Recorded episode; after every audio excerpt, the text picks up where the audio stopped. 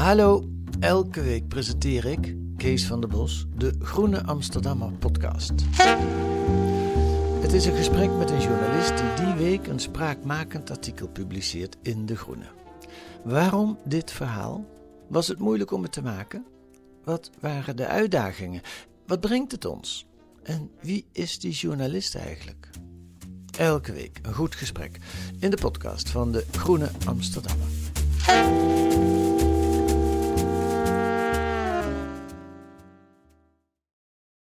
We moeten weer terug naar het, ik zou zeggen, het redelijke midden. Merendeel van de Nederlander wil niet alleen een tolerant en open Nederland, maar respect, dat moet je ook ervoor blijven vechten op een beschaafde manier.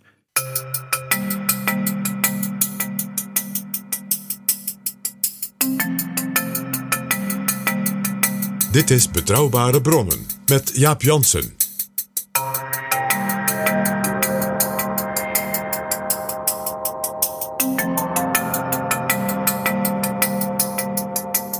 Hallo, welkom in aflevering 13 van Betrouwbare Bronnen. Vooral ook de nieuwe luisteraars, want er komen er steeds meer bij. In aflevering 13 een bijzonder moment in het nog korte bestaan van deze podcast. Want ik heb natuurlijk al meerdere oud-ministers te gast gehad. Maar in deze aflevering ontvang ik voor het eerst een minister uit het huidige kabinet, Rutte 3. Dat is Sigrid Kaag, minister voor Buitenlandse Handel en Ontwikkelingssamenwerking. Komende week bespreekt de Tweede Kamer haar begroting. En het leek me een goed idee om nu alvast over haar beleid te praten in betrouwbare bronnen. Het gaat steeds beter met de wereld, maar een groot deel van Afrika blijft achter. En het gaat bijzonder goed met Nederland als handelsland, maar er komen allerlei bedreigingen af op de wereldhandel. Denk maar aan het beleid van Donald Trump, het gedrag van China en Rusland en niet te vergeten de Brexit. We praten ook over het migratiepact van Marrakesh, waar steeds meer vraagtekens bij gezet worden in Europa en nu ook in Nederland. Kaag verdedigt dat pact. En het nieuws zit in de staart van het gesprek. De D66-minister heeft al een paar keer laten weten dat ze wat haar politieke toekomst betreft niets uitsluit. Zelfs het leiderschap van haar partij niet. In betrouwbare bronnen voegt ze er nu iets aan toe. Kaag vindt dat D66 richting de volgende Tweede Kamerverkiezingen een gezond debat moet voeren over dat leiderschap. Ik laat nu alvast een stukje daarvan horen. Ik sluit nooit iets uit in het leven, uh, omdat ik heel vaak hele onverwachte dingen heb gedaan, uh, die ik nooit heb gepland. Uh, minister worden bijvoorbeeld ook niet, of nu in Nederland zijn. er zijn heel veel mooie momenten. Ik ben, ik ben teruggekeerd naar Nederland. Dat was nu uiteraard wel een bewust besluit. Ik heb deze functie ook bewust op me genomen. Dus ik ben in een heel nieuwe fase. Ik wil me nuttig inzetten voor D66. Dat is heel belangrijk, want ik denk dat D66 een ontzettende belangrijke partij is voor Nederland, juist ook in deze fase. Zou het ook goed zijn voor de partij als er een soort concurrentiestrijd ontstaat om het leiderschap eh, bij de verkiezingen?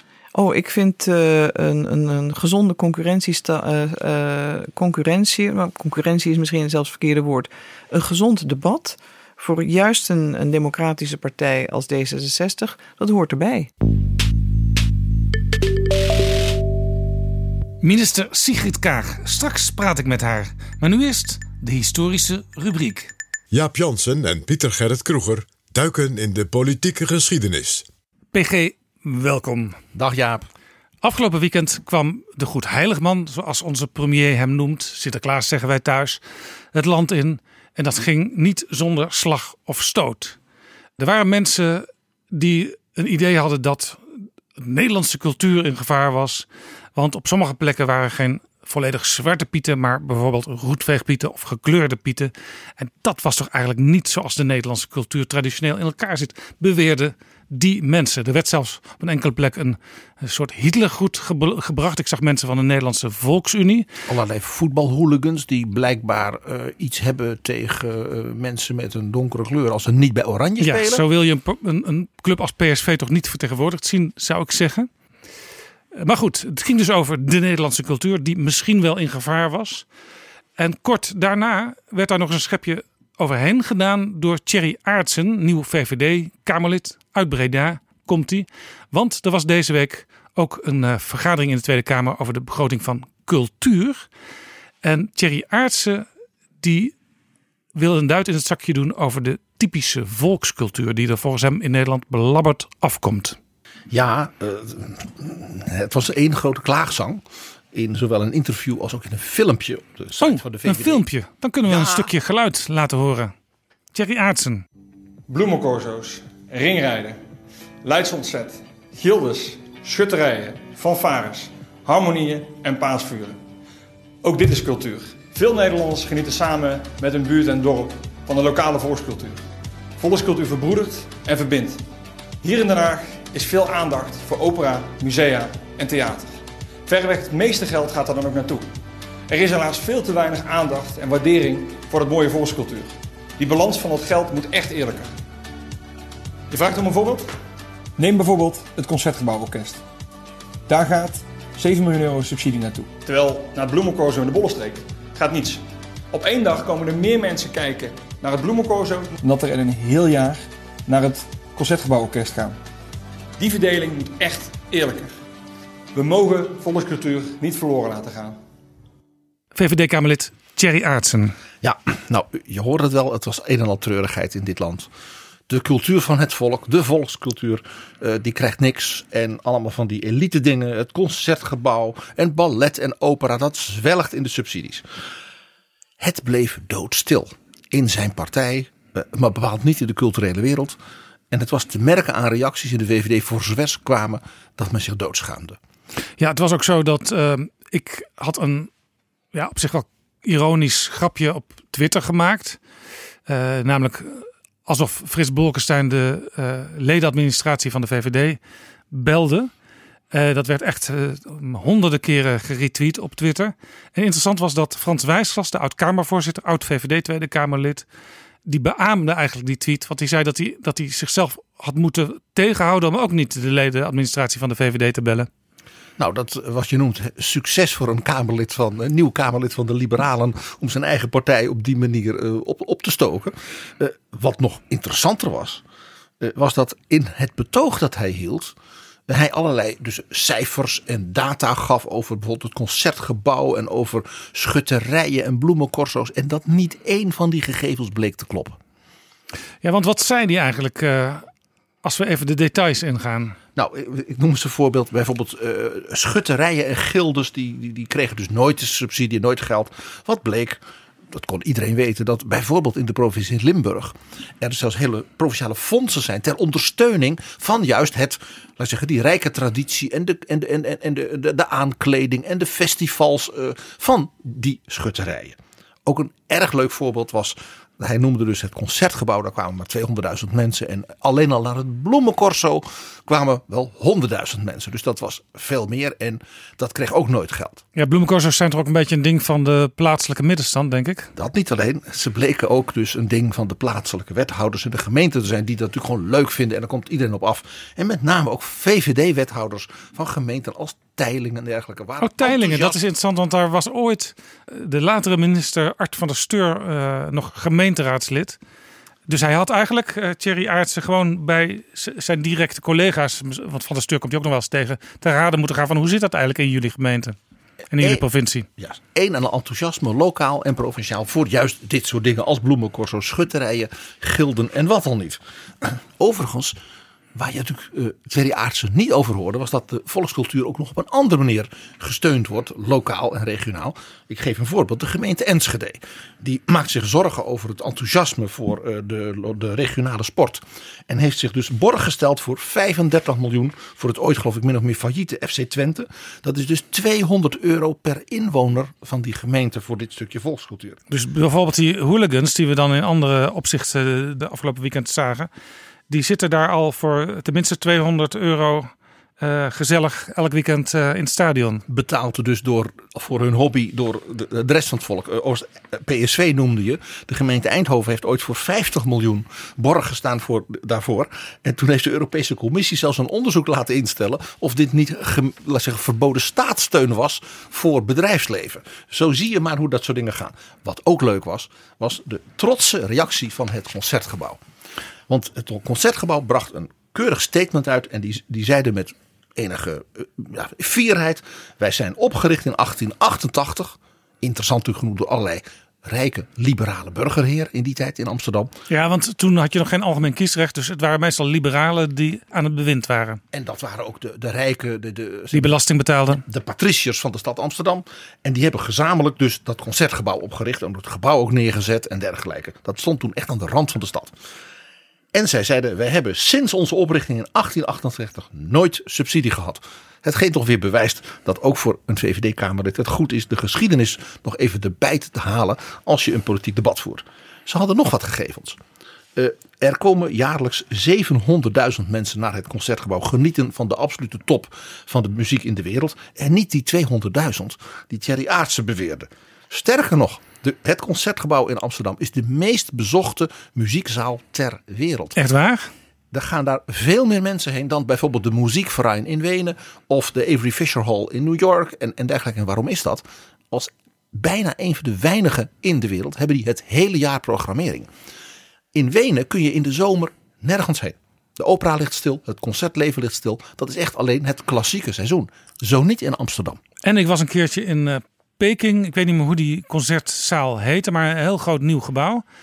En wat hing daar op het affiche? Het eh, concertgebouw Orchestra. Dat werd daar aangekondigd. Ja, ze doen dus tournees door heel de wereld. Zijn een ongelofelijke ambassadeur in dat opzicht, maar ook een exportproduct. De top van de muziek in, Nederland is een enorm exportproduct. Dat heet dan de creative industry. Eh, Ook onze conservatoria bijvoorbeeld en andere muziekgezelschappen. Denk aan eh, de, de muziek van Ton Koopman voor Bach. Dus gespecialiseerde muziekdingen in Nederland. Zijn dus een enorm exportproduct. Er is nog een andere kant. Het feit dus dat er 700.000 mensen naar dat concertgebouw komen, dat geeft je dus aan dat het dus ook een enorme toeristische magneet is. Dus hoogwaardig cultureel toerisme komt naar Amsterdam, zet die stad dus ook neer op de, op de wereldkaart als een topstad voor kunst en cultuur. Denk ook aan de musea. Ja, en dat levert natuurlijk een heel mooi soort toerisme op. Kortom, een aantal misslagen achter elkaar van de nieuwe Kamerlid Thierry Aartsen.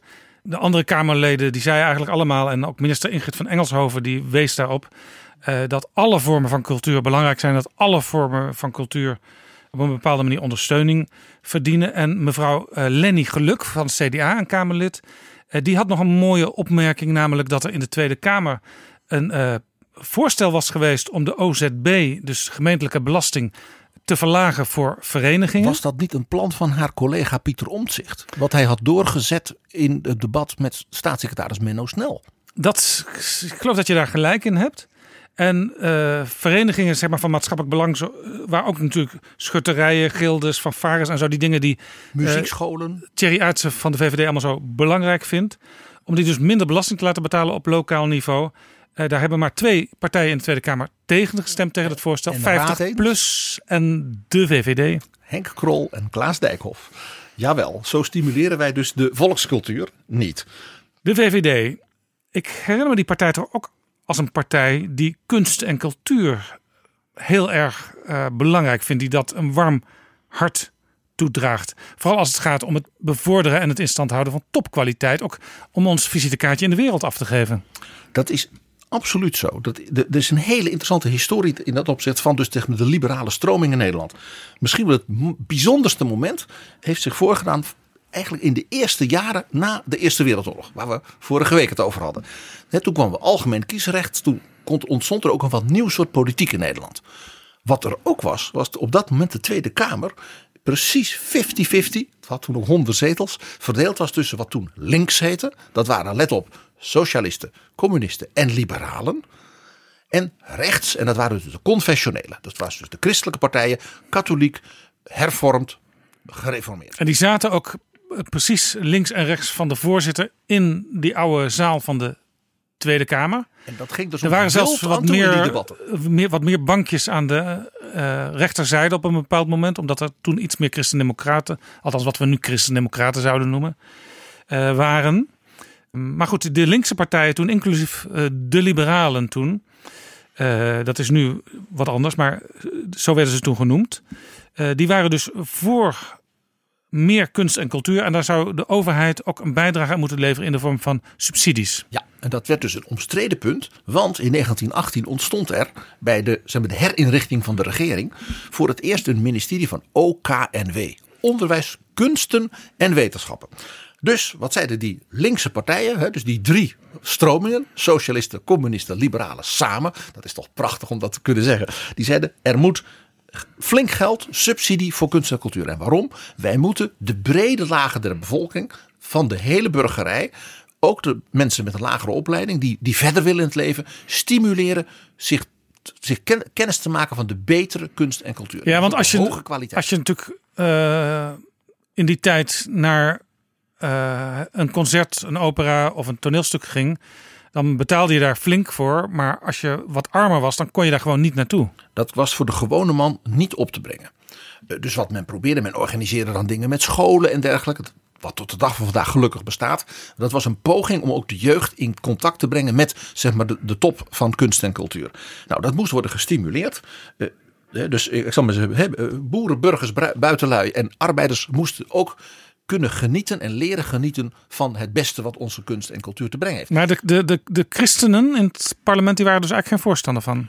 Nee, daar speelde nog een tweede punt. Wat, wil- wat men ook wilde, is, was het stimuleren van toptalent. Dus begaafde jongeren, muzikaal, eh, eh, artistiek, dans, eh, schilderen, beeldhouden uit het volk. Dus het hele idee van de volksverheffing, wat misschien wat wij nu wat meer met zeg maar, de, de klassieke linkse, ook hè, meer socialistische partijen eh, identificeren, was, werd dus gecombineerd met het denken vanuit de progressief denkende liberalen. Die zeiden ja, het bevorderen van kunst en cultuur is ook talentbevordering vanuit van onder naar boven. En dat is goed voor zeg maar, de maatschappelijke dynamiek. De christelijke partijen, zoals ze in die tijd noemden, die waren daar sceptisch over. Want die zeiden ja, opera, toneel, ballet. Dat was allemaal natuurlijk zedeloos.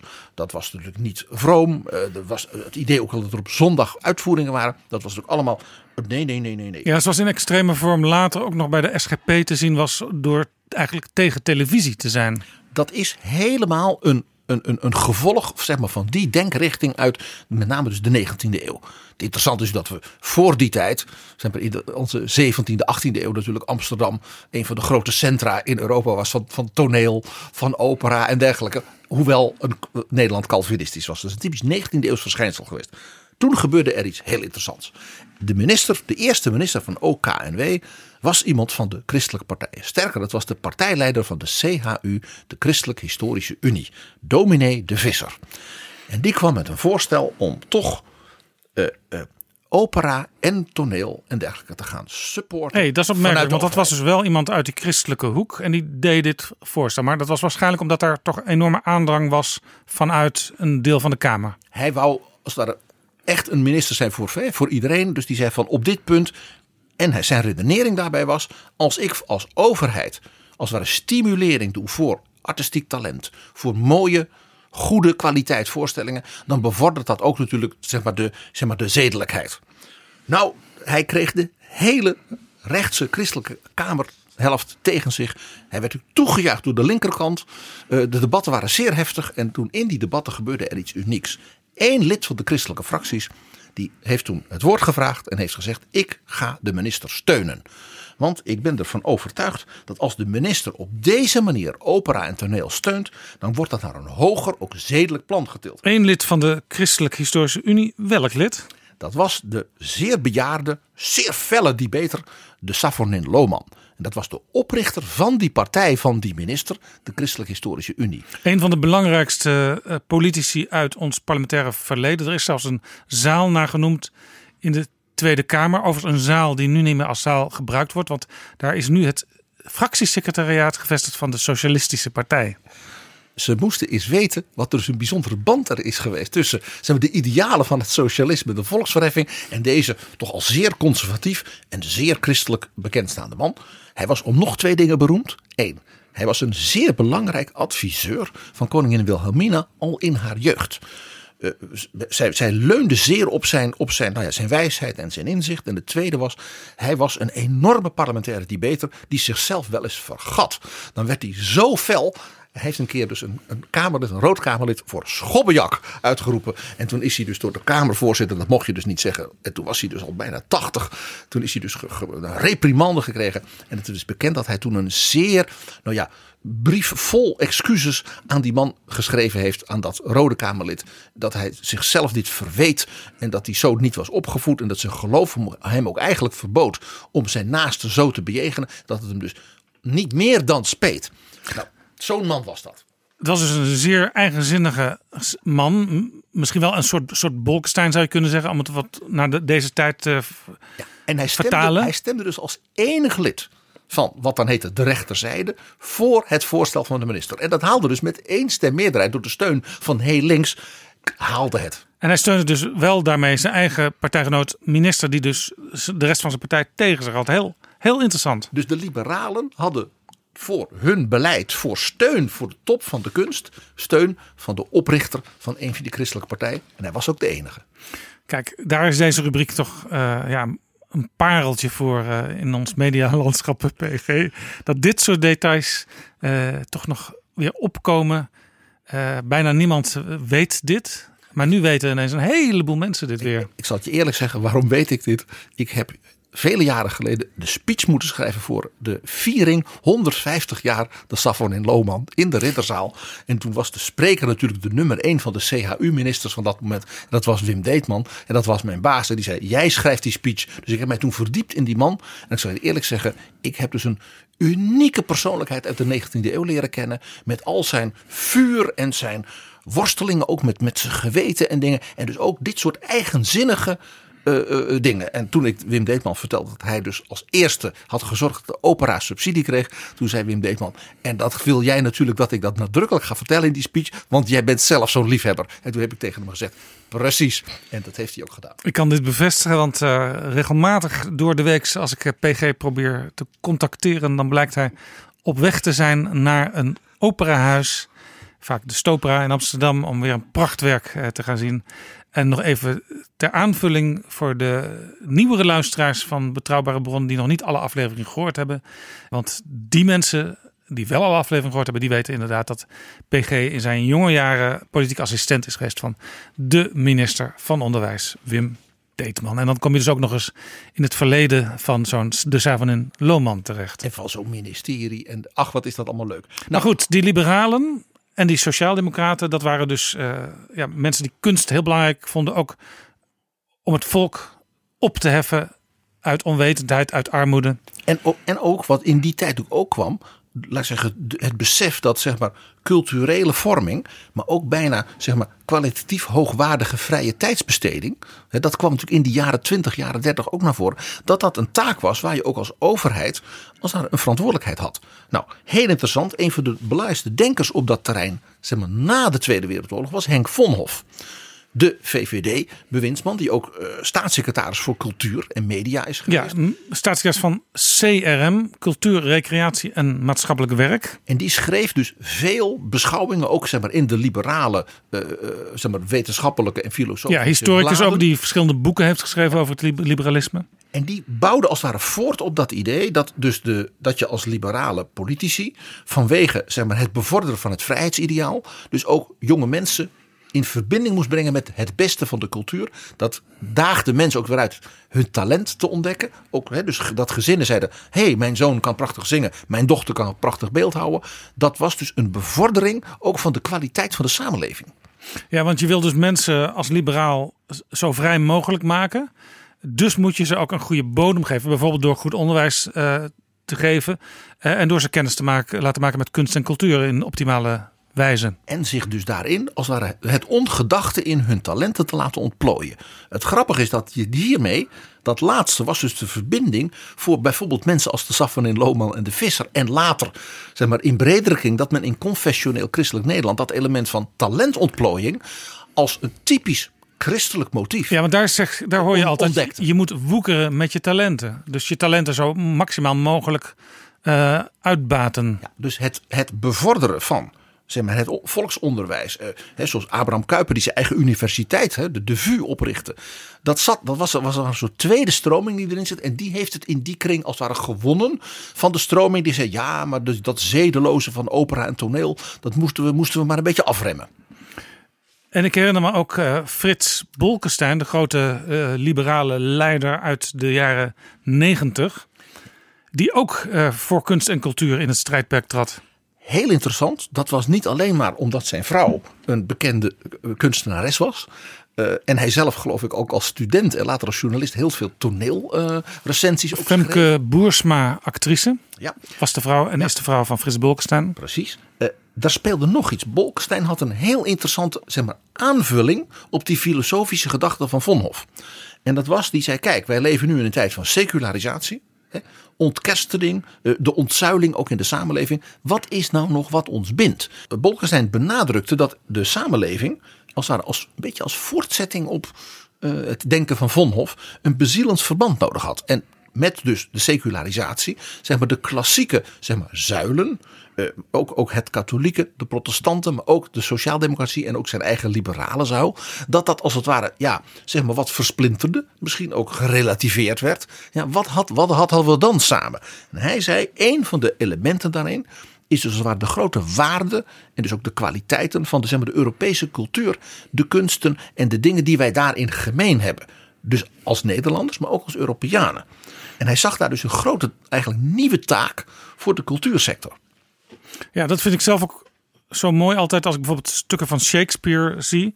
Eh, dat je ook weer in contact wordt gebracht, niet alleen met allerlei Engelse koningen van, van jaren her, maar ook met Julius Caesar. En met, kortom, je ziet in welke culturele geschiedenis je staat als, als bewoner van het Nederland in, in het Europa van 2018. Nou ja, we hebben heel onlangs eh, in betrouwbare bronnen eh, hadden we de, de, de bijzondere band eh, van de liberaal Mark Rutte en ook de liefhebber van ja, klassieke muziek en kunst Mark Rutte en Angela Merkel, die samen dus naar de opera Lohengrin van Wagner gingen.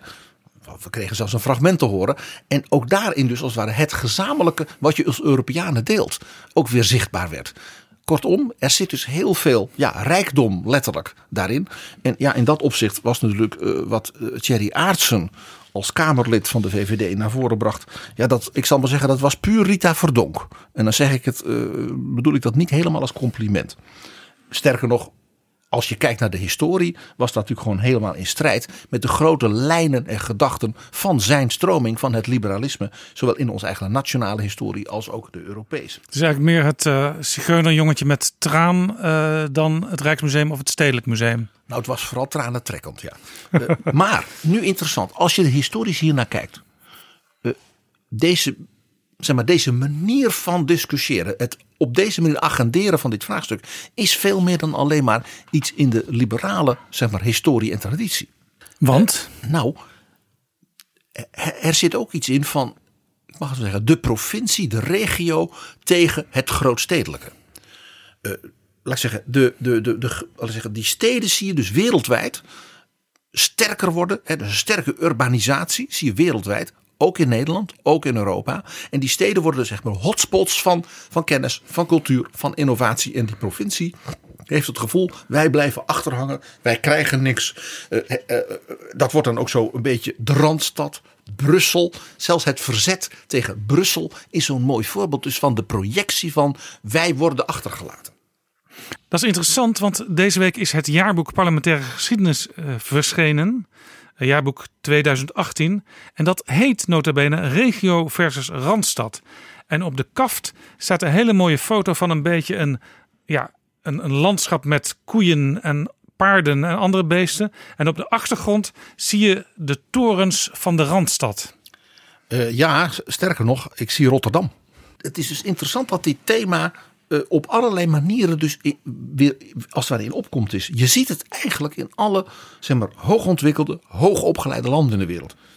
Bij Brexit zag je het. Je zag het bij de overwinning van Donald Trump.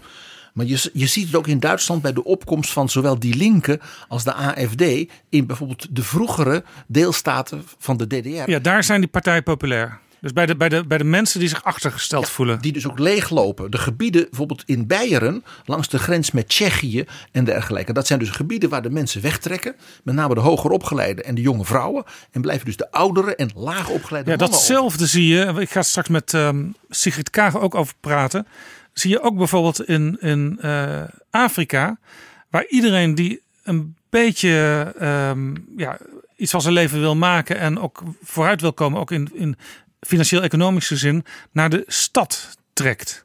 En bijvoorbeeld ook een enorme verandering. Dan heb je het over honderden miljoenen mensen in China en in India. Door dus de modernisering, ook door het onderwijs. Waardoor mensen hoger opgeleide functies vaak dus in die steden ook vinden. De steden en de, m- hè, de, de, de metropolen van steden. eh, die worden als het ware een soort magneet.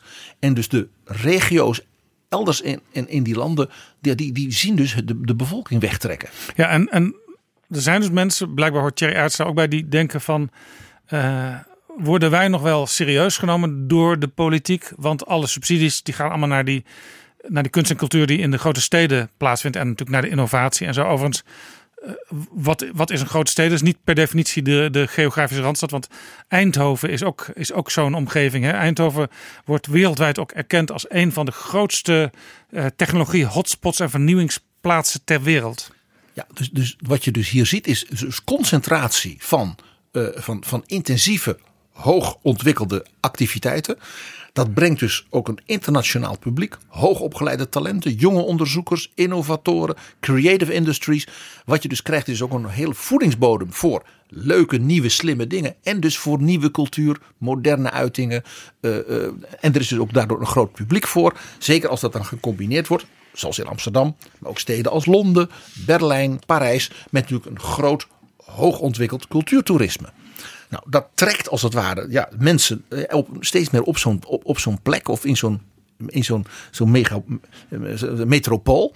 En de, de gebieden eromheen hebben ze het idee van ja, daar zit de elite. Dat soort termen vallen dan. Dan heb je ook ineens bijvoorbeeld in Nederland nu dat men zegt ja, al die buitenlandse studenten die maar op ons afkomen. Daardoor hebben wij geen, geen, geen studentenhuisvesting meer. En die studenten die, die maken ons eh, hoger onderwijs te druk. Dan zijn die collegezalen ineens vol je ziet dat, dat is datzelfde gevoel van ja, dat is niet van ons en wij hebben daar geen greep meer op. En het is toch ook soms, uh, mag ik het zeggen, populisme hè, wat je hier hoort. Want uh, zo iemand van de VVD, en je hoort het ook wel in andere partijen, die denken dan in een goed blaadje te komen bij hun kiezers of bij hun potentiële kiezers. maar ze vergeten dat vaak die kiezers ook weer familie hebben, kinderen die in de grote steden gaan studeren gaan werken, gaan wonen. En dat dus die tegenstelling in de samenleving, die is helemaal niet zo schril als je het soms hoort schetsen. Nou ja, dat, laat ik zeggen, de volstrekte onzincijfers uh, die over zowel het concertgebouw uh, ja, als over uh, het bloemencorso werden naar voren gebracht, gaf al aan dat dit vooral ja, nou ja, fact-free stemmingmakerij was. Maar er is meer. Het, is echt, het zit veel dieper zeg maar, in onze historie en cultuur. Een voorbeeld in onze Nederlanden ook. Dit Brabant-Limburg gevoel van een Thierry Aartsen. Ja, onze schutterijen, onze gilden, onze bloemencorso's. Dat is natuurlijk gewoon de generaliteitslanden van de 16e, 17e, 18e eeuw. Die dus niet meetelden in de republiek, maar wel onderworpen waren meer of meer. Tegen het, rijke, elitaire, het mercantiele patriciërs, protestanten van Amsterdam en die steden van Holland en de elf steden van Friesland, waar zij zich natuurlijk toch een beetje minder bij voelden. Heel kenmerkend ook een stukje continentaal versus Atlantisch. Dus zeg maar binnenland versus die, die, die, steden die dus die wereldwijde perspectieven. Die gaan met hun bootjes naar, naar, naar, naar, naar Indië en naar de West. En wij zitten hier op het Brabantse platteland en zijn een beetje zielig. En ook een element van katholiek versus protestant. Dus dat speelt, dat, dat zijn hele interessante dingen die je ziet. Je ziet het ook politiek nu in Nederland. Bijvoorbeeld de gebieden in Nederland waar de bevolking feitelijk stagneert of zelfs al krimpt. Versus die gebieden waar de bevolking fors groeit. Dus dat is inderdaad ook zo'n die hotspots rond Eindhoven. Maar natuurlijk ook de Randstad. En daarmee zijn we ook weer terug bij het begin van dit gesprek. Want daar viel uh, de naam Zwarte Piet.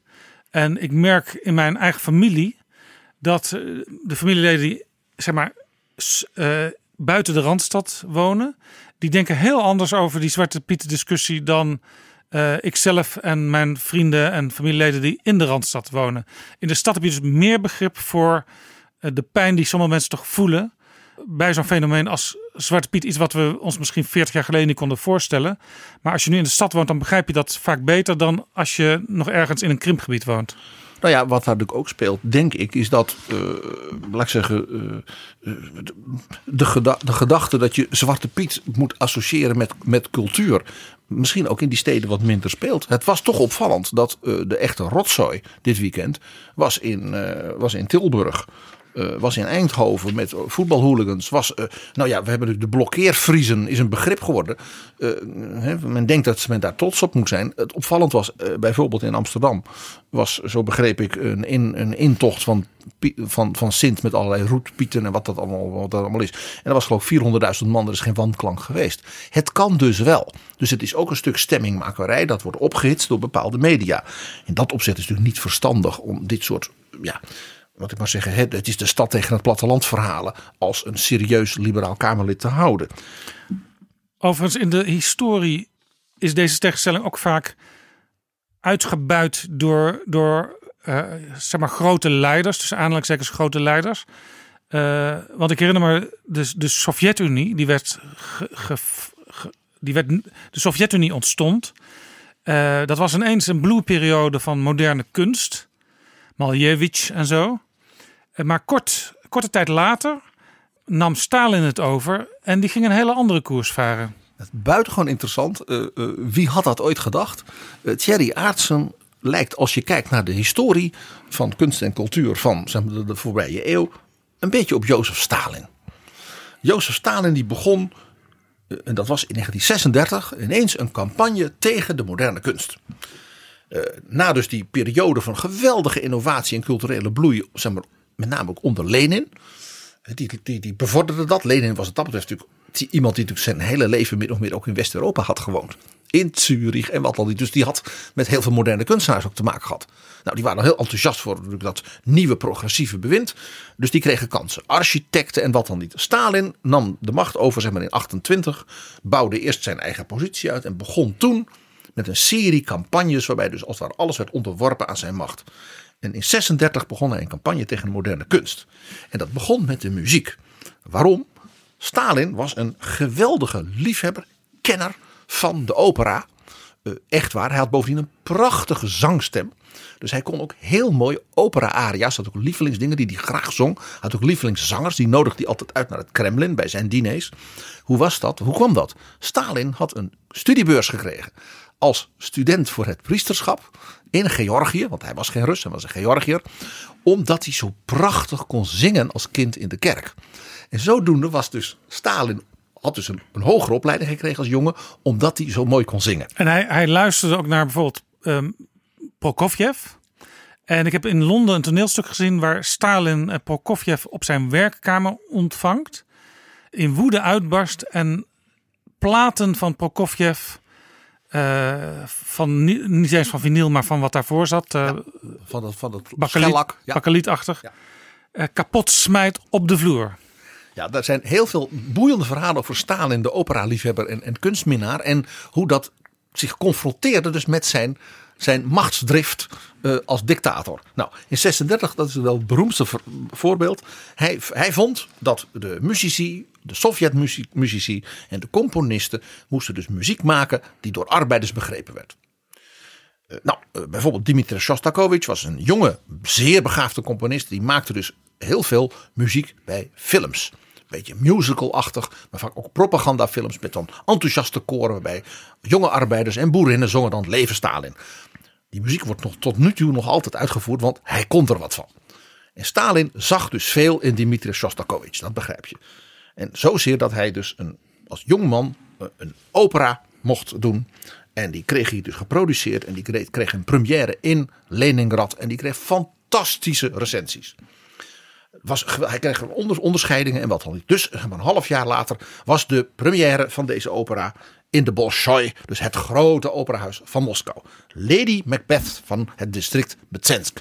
Dat is een overigens een verhaal van Lyeskov, een 19e eeuwse Russische uh, schrijver. En dat gaat over een jonge vrouw in het district Metsensk. Die dus uh, ja, uitgehuwelijkd is aan een oude man. Die het dan gaat doen met een ander. En dus die man dan vermoord. Nou ja, het is een beetje dus Lady Macbeth hè, van Shakespeare. Maar dan op het Russische platteland. Een soort Russische hertaling van het bekende verhaal. Een geweldig stuk. Dat wordt ook tot de dag van vandaag uitgevoerd. Stalin is aanwezig bij die première in de Bolshoi. En gaat in de pauze weg. Dat voorspelt niet veel goeds. Nou ja, hij was een opera-liefhebber. Uh, uh, en, maar hij had natuurlijk ook druk. Dus daar werd niet eens zo heel veel uh, op genoteerd. In die nacht vertrekt Shostakovich met de nachttrein naar Archangel. Dus heel, dicht bij de Pool. Want daar zou hij de volgende avond zou hij een pianoconcert spelen. En nou ja, hij, had natuurlijk helemaal, hij was natuurlijk helemaal happy. Want hij had het gejuich van het publiek en bloemen. En dus zijn vrienden hebben hem naar het station gebracht en hem uitgezwaaid. De volgende ochtend, hij zit in de trein, weet van niks, verschijnt de Pravda. De officiële krant van de partij. De, de waarheid. De Pravda. En op de voorpagina staat een muziekrecensie. En die is anoniem, die is niet gesigneerd. En de titel daarvan is Chaos in plaats van muziek.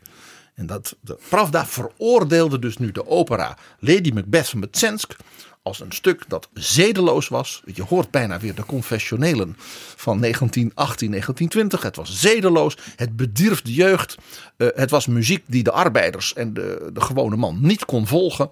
En het uh, was afbrekend en het eindigt bovendien heel treurig in uh, mensen die dus naar een strafkamp in Siberië worden geleid en daar al sterven.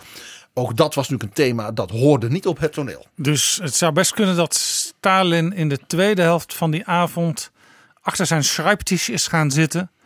En als een schrijptisch murderer uh, Shostakovich in feite heeft verbannen. Ja, uh, we, het is niet helemaal zeker. Het, er is heel veel historisch onderzoek naar gedaan. Want dit is een heel belangrijk moment in de Russische geschiedenis geweest. En de cultuurgeschiedenis. Men gaat er nu vanuit dat Stalin persoonlijk een, een tekst heeft gedicteerd aan de hoofdredacteur van de Pravda. Dat die nog wat editing heeft gepleegd. En het niet zelf heeft durven, zijn naam er heeft onder heeft durven zetten. Uit angst dat Stalin zegt, ja dat is mijn tekst. Dus daarom heeft hij het maar anoniem gelaten. Shostakovich komt dus zeg maar, eind van de middag in Archangel aan met de trein. En daar staan dus vrienden van hem met die krant. En we weten uit zijn memoires dat hij dus een uur of twee heeft staan sidderen van angst. Uh, op dat perron toen hebben ze hem maar meegenomen. ja, want werd dat stuk dan nog uitgevoerd die avond? Ja, hij heeft die avond gewoon nog zijn pianoconcert uh, gegeven. Is toen teruggegaan naar Moskou. Uh, en heeft toen een aantal weken alle nachten voor de deur van zijn huis. In zijn kleren, met zijn koffer, met alles erin. Geslapen omdat hij niet wilde dat zijn vrouw en zijn kleine kinderen zouden zien dat hij werd opgepakt door de KGB. Vervolgens heeft dus Stalin hem op een bepaald moment gebeld. Want dat deed Stalin dus. Die belde met kunstenaars om met ze te praten. En hij heeft gezegd: Ik begrijp dat jij uh, bang bent en dat is helemaal niet nodig. Het enige is, ja, die opera van jou, dat is natuurlijk verschrikkelijk. En jij weet wat een componist dan moet doen. Ja, zei Shostakovich, worst, hè, leider, ik weet wat ik moet doen. Ja. Dus toen heeft hij zijn beroemde... Het stuk veranderen. Nee, hij heeft het stuk teruggetrokken. En heeft toen zijn vijfde symfonie geschreven. En die kreeg als ondertitel Antwoord van een Sovjet-componist op gerechtvaardigde kritiek. Die vijfde symfonie is met deze opera zijn allerberoemdste werk en ook zijn allerbeste werk. Op een of andere manier heeft die angst hem ja, boven zichzelf uitgetild als componist. Maar nu, wat gebeurde er? Dit was 36. Ja. In 37 bleek dus dat deze kunst- en cultuuractie van Stalin het begin was. Een soort opmaat om te laten zien, ik ga nu heel diep ingrijpen. Toen kwamen er enorme zuiveringen in het leger. Bijna alle generaals werden tegen de, tegen de wand gezet. Eigenlijk wat, wat Mao later in, met de culturele revolutie deed, was hier al aan de orde bij Stalin. Mao heeft zit helemaal van Stalin. De zuiveringen die toen zijn gepleegd in de partij, dat, dat, er zijn dus werkelijk honderden duizenden mensen geëxecuteerd. Dat waren dus trouwe partijleden. Vaak nog, zeg maar, uh, bondgenoten van Lenin die met Lenin tegen de tsaar vochten en ook met Stalin toen. Die werden allemaal uh, uh, dus geëxecuteerd. Heel veel verbanningen natuurlijk, wat, wat eigenlijk hè, uit de tsarentijd al, al kwam. Toen kwam natuurlijk de Tweede Wereldoorlog. Toen heeft Stalin een tijd als daar min of meer zich koest gehouden. Heeft hij een soort Russisch nationalisme bevorderd. Het volk moest met, met Stalin tegen de nazi's. Nou, we weten hoe dat afliep. De oorlog was nog niet voorbij. Of er kwam een herneming van die campagne tegen de moderne kunst. Stalin had er weer alle tijd voor. En hij werd oud en raakte geobsedeerd natuurlijk door het verval van zijn krachten en zijn macht. Uh, werd ook bang bijvoorbeeld dat China en Mao als een soort rivaal zou komen. Dat zag hij toen al. Dus er, er, en, en hem dus zouden overklassen in kracht en, en, en economische groei en zo. Op het wereldtoneel. En uh, dus er moest weer discipline komen. Dus hij is toen opnieuw een campagne begonnen. Dat heette tegen het formalisme, was de term. Uh, kunstenaars moesten dus niet luisteren naar zeg maar, de wetten van kunst en cultuur. En naar uh, de, de, de, de nieuwe muziek en zich laten inspireren door. Nee, ze moesten luisteren naar de arbeiders en wat die wilden horen. Volkscultuur à la Thierry. Dat, de termen die daarvoor waren, waren bourgeois verwekelijking van kunstenaars. Het was westers in plaats van Russisch. Het was, en nu komt het, wordt het heel eng, de kunstenaars waren in de greep van het cosmopolitisme. Ai. Ja, en daar zat dus ook invloed van de Joden in. De Joden in Amerika en ook met de oprichting van Israël. En je zag dus dat de ouder wordende Stalin in zijn obsessies ook het klassieke antisemitisme van uit de tsarentijd kwam als het ware bij hem weer boven. Zoals dat nu, in 2018, ook af en toe weer de kop opsteekt. De term cosmopolitisme en cosmopolieten, wat bijvoorbeeld uh, een man als George Soros wordt opgedrukt, uh, ook in discussies, ik zal maar zeggen bij, bij de heer Baudet en anderen, komt dus interessant genoeg van Stalin. Dit ging zo ver dat in 52, 53 er een, nog weer een soort golf van repressie was. Omdat Stalin er toen van overtuigd was dat zijn dokters geprobeerd hadden hem te vermoorden, dan wel te vergiftigen. En dat waren veel Joodse artsen. Dus er ontstond toen een enorme repressie, ook van Joden in topposities van kunst en cultuur, maar ook artsen en andere geleerden. Toen Stalin stierf in maart 53, heeft dus de partijleiding die hem opvolgde dit afgeblazen. En de meeste van die mensen zijn toen vrijgelaten omdat men eigenlijk wel moest toegeven uh, dat dit ja, dat dit echt gewoon de gekte was van een, een, van een leider die gewoon van het padje geraakt was. Ja, en juist een land waar het niet goed mee gaat, heeft kunst en cultuur nodig. Dat vond ik ook altijd het grote misverstand in de bezuinigingsperiode. Een aantal jaar geleden toen toenmalige staatssecretaris Halbe Zijlstra ineens honderden miljoenen ging bezuinigen op kunst en cultuur. Dat moet je juist in een tijd van economische schraalheid niet doen. Want het volk heeft, heeft gewoon nodig dat het zich een beetje kan optrekken aan kunst en cultuur. Die inspiratie is altijd welkom. Altijd. In tijden van voorspoed en tijden van tegenspoed. Ik ga een kleine opmerking maken om Halbe Zijlstra ook de, laat ik zeggen, de kritiek die mogelijk is, ook iets te geven. Hij heeft toen ook tegen de kunstenaars gezegd: word wat actiever in het kijken naar de nieuwe kansen die je hebt, ook in de wereldeconomie met, als, met creative industries. En daarin heeft Halbe, zij het op zijn halbes, soms wat grofstoffelijk, maar wel een trend gezet, waardoor ook heel veel kunstenaars ze vonden het misschien niet leuk, maar nu achteraf zeggen: ja, we zijn wel wat actiever en alerter geworden. Dat is altijd goed. Overigens, voor de mensen die echt heel erg houden van een beetje die Stalinistische uh, cultuur in de zin van uh, Stalinistische schilderijen. Dus met, met grote, sterke kerels erop. Uh, Helden. Meisjes met bloemen in het haar, et cetera. Ja. mannen ook met. met, met uh, pikhouwelen, pikhouwelen uh, hakbijlen, et cetera. Staalfabrieken. Ja, uh, dors, dorsende machines door wijdse velden. Die kunnen terecht in de galerie van Jacques Monash in het Spiegelkwartier in Amsterdam. En er is ook een filiaal in de hoofdstad van Europa, Brussel. Want Jacques Monash heeft zijn tientallen jaren van zijn leven mede in dienst gesteld van het verzamelen van deze kunst. En die kun je in die galeries zien en zelfs aanschaffen.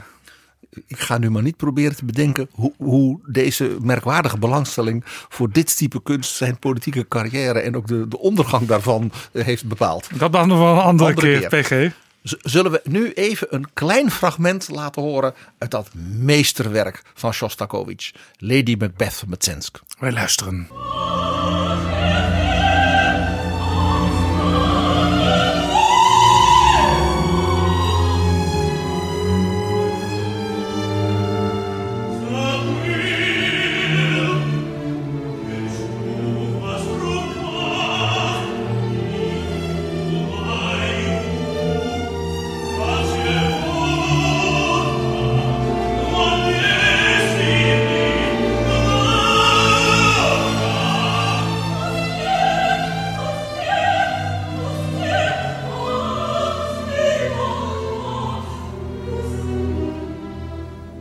Dat was Shostakovich. Ja, één klein dingetje nog. Toen Stalin dood was, heeft de partijleiding in het kader van de dooi, zoals dat heette, het woord alleen al, hè, tegen Shostakovich gezegd: ja, dat stuk mag wel weer uitgevoerd worden, maar dan moet je een paar aanpassingen plegen. En de titel moest worden veranderd, zodat het net leek alsof dit een nieuwe opera was, die dus niet Lady Macbeth van Mtsensk was. Nou, Shostakovich was inmiddels zo geïntimideerd en, en, en, en lam geslagen. Dat Die deed dat braaf. heeft hij maar gedaan. Ik heb zelf nog een hele bijzondere herinnering aan deze opera. Hij zou worden uitgevoerd onder leiding van Valery Gergiev in Rotterdam in zijn festival begin september 2001. Nou, we weten die aanslagen kwamen. Gergiev zat in Los Angeles, kon dus Amerika niet uit, want er was geen vliegverkeer. Toch moest die opera worden uitgevoerd, want al zijn muzici uit Petersburg, de zangers, de decors, die waren er allemaal al. En toen heeft er iemand ingevallen als dirigent. Maxim Shostakovich, de zoon van de componist, die daar zou zijn ook voor een lezing over zijn vader. En die heeft toen, ik zal dat nooit vergeten, dat stuk gedirigeerd. Stond toen op het toneel, greep de, de partituur en kuste die. We hebben als publiek gejuicht. Dankjewel, PG. Dan nog eventjes eh, over komende week. Want dan vindt in de Tweede Kamer de begrotingsbehandeling van buitenlands handel en ontwikkelingssamenwerking plaats. Sigrid Kaag is daar de minister. Ik spreek haar straks in betrouwbare bronnen. En het gaat best wel goed met de wereld, eh, zegt Sigrid Kaag in een eh, notitie die zij enige tijd geleden publiceerde. Die notitie heet Investeren in perspectief. Zij schrijft bijvoorbeeld: Niet eerder was binnen één generatie zoveel verbetering in leefomstandigheden voor zo'n groot deel van de wereldbevolking als in de afgelopen 25 jaar. En daar laat ze ook cijfers bij zien. Eh, een aantal dingen die bijvoorbeeld echt veel beter gaan zijn levensverwachting, eh, minder kindsterfte, veel meer onderwijsdeelname, veel meer toegang tot veilig drinkwater. Het is fascinerend. Eh, zij steekt blijkbaar heel goed aan. Interessant met onze recente gesprekspartner Seth Berkley van Gavi, die dus ook aan jou vertelde over de honderden miljoenen kinderen die ze dus met geld uit het westen van rijke mensen als Bill Gates eh, dus zijn gaan inenten, waardoor die kinderen niet sterven. Dat betekent dus dat die gezinnen ook niet heel veel kinderen in Afrika meer nodig hebben, om maar zo te zeggen. Dus dan krijg je minder kindersterfte, kleinere gezinnen, meer onderwijs, meer kansen met name ook voor meisjes. Ja, dit is dus een voorbeeld eh, van moderne manier van ontwikkelingssamenwerking. Door zo'n particulier initiatief als dat van, van Gavi, ondersteund eh, inderdaad door Bill en Melinda Gates. eh, ja, gaat het ineens veel beter met de gezondheid van heel veel kinderen en dus ook van heel veel mensen later. Wat je dus ook ziet, is hier dus die combinatie die zeg maar, in vorige jaren wel eens nog wat omstreden was. Van hulp met dus slim samenwerken met bedrijven, dus ook handel. En met kennisorganisaties. Want snappen hoe dat, hoe dat werkt. Medici die daaraan meedoen. Plus bedrijven die die vaccins maken. Plus overheden die financieren. En rijke mensen die financieren. Ja, en jij hebt een voorbeeld van eh, hoe kennis de wereld kan helpen. Ja, heel interessant. Eh, Bill en Melinda Gates hebben verteld dat zij om, om op die manier met hun geld om te gaan. Dus steek dat nou in zulke projecten. Zijn geïnspireerd door een Zweedse geleerde. Dat is Hans Rosling, een statisticus en een natuurkundige. Hans Rosling. Ja, Wat weten we van hem? nou, die man heeft dus allerlei boeken geschreven en lezingen gehouden, onder andere ook via YouTube. En daardoor werd hij, grappig genoeg, wereldberoemd. Een statisticus die dus van cijfertjes houdt, die wereldberoemd wordt. En Bill en Melinda Gates zijn ja, door die man geraakt. Die hebben dat gezien. Hebben natuurlijk met hem gepraat. Eh, en zijn dus eigenlijk door zijn manier van kijken naar de wereld, die dus sterk aanhaakt bij wat Sigrid Kaag in die notitie zet. Ik denk dat Sigrid Kaag ook een beetje de Rosling ge- geïnspireerd is. Zijn zij dus op die manier met, met dat enorme geld omgegaan. Zo, zijn boek Factfulness, dus vol van feiten, dat noemen zij een van de belangrijkste boeken die wij ooit hebben gelezen. Factfulness. Laten we even luisteren.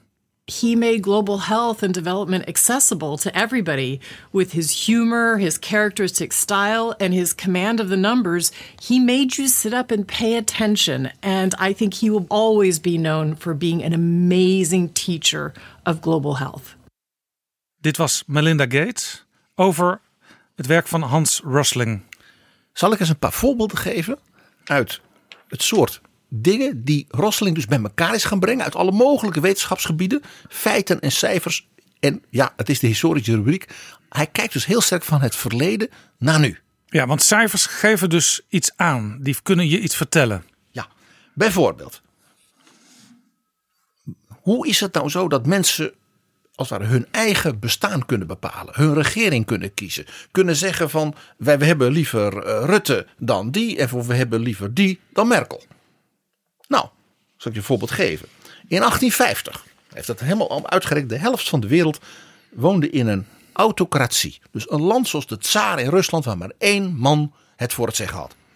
De andere helft van de wereld woonde in een kolonie. Bijvoorbeeld Afrika, Indië. ons, ons Indië, Afrika, Zuid-Amerika. En een heel klein percentage van de wereld woonde in een democratie. Ja, Nederland was toen al een beetje democratie. We hadden natuurlijk net Thorbecke gehad in, eh, in 1850. Maar de, de rest van de wereld was dus eigenlijk... Daar was democratie nog ver te zoeken. ver te zoeken. De grote trendbreuk, laat hij zien aan zijn cijfers, was rond 1945, 1950. Dat is pas een jaar of honderd later. Precies. Na de Tweede Wereldoorlog. eh, democratie ook in landen als Oostenrijk en eh, Japan en, en Duitsland. Maar ook de snelle dekolonisatie daarna. Dat leidt ertoe dat vandaag 4 miljard van de mensen op aarde in een democratie wonen. En 3 miljard in een half autocratisch, autocratisch bewind. Oftewel, hoe verder wij de 19e eeuw achter ons lieten, hoe meer mensenrechten en inspraak er kwam voor de gewone man. Ja, en je had het in het vorige deel van ons gesprek over eh Thierry Aartsen, eh Thierry A. En hier wil je even Thierry B aanstippen, want dat is natuurlijk de man die in de Nederlandse politiek tegenwoordig de 19e eeuw zo bewierookt. Hij zegt zelf, ik wil het liefst in 1850 Ja. leven. Ja, precies. Nou, eh, je ziet dus aan die cijfers van, van, van Rosling met zijn analyses dat dat dus de tijd was dat het overgrote deel van de wereldbevolking dus onder, een, onder de knoet leefde, dan wel in een kolonie werd uitgebuit. Het is maar wat voor ideaalbeeld je hebt. We komen richting de moderne tijd. En dan ontstaan er ook allerlei innovaties, vernieuwingen. Ook gezondheidszorg, allerlei verbeteringen. Eh, en uiteindelijk komen we dus in de tijd van nu, waarin dus heel veel goed gaat vergeleken met Ja. 100 jaar geleden. Ja. Eh, Rosling laat bijvoorbeeld zien de cijfers over de gezondheidszorg in landen. Eh, Je ziet dus nu enorme vooruitgang, mede dus door dat soort investeringen als Gavi en het soort projecten die ook eh, Nederland en mevrouw Kaag steunt. Waardoor eh, er een hele serie landen in de wereld is waar de, de vooruitgang op het gebied van de gezondheidszorg en de kindersterfte enorm snel gaat. Eh, er zijn landen, bijvoorbeeld sinds Hongarije lid is van de EU, dat is toch leuk voor meneer Orbán, is er een geweldige vooruitgang van bijvoorbeeld de gezondheid van kinderen en minder kindersterfte. Maar dat geldt ook voor Chili, voor Colombia, voor Thailand. Dus ook in Afrika, landen als Botswana en Namibië hebben dus in korte tijd een halvering gezien van zeg maar, de kindersterfte en ernstige ziekten onder kinderen. Kortom, Ja, met relatief kleine middelen, zoals injecties, maar dan wel systematisch, kun je heel veel bewerkstelligen. En Rosling laat ook zien dat er dus ook delen zijn in de wereld waardoor grote burgeroorlogen en het instorten van zeg maar good governance, denk aan de aan Tjaad, Congo, eh, dictaturen als Eritrea, dat daar dus dan men blijft hangen in nou ja, de verschrikkelijke dingen van dat dus gewoon 20% van de kinderen gewoon doodging zeg maar in hun eerste levensjaar en de helft voor hun vijfde levensjaar, dat dat daar dus nog steeds is. Dat heeft dus te maken met de omstandigheden en dus ook met good governance. Ja, dictatuur. eh, We hadden het eigenlijk al in het cultuurdeel van het gesprek er ook over.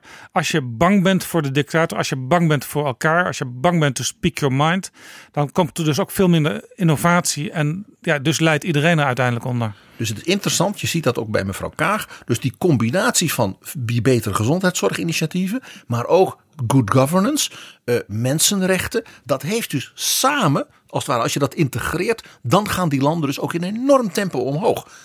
Dat laat Rosling dus ook zien hoe dat dus werkt. Maar toch, ehm, die 19e eeuw, hè, waar bijvoorbeeld Baudet het eh, vaak over heeft.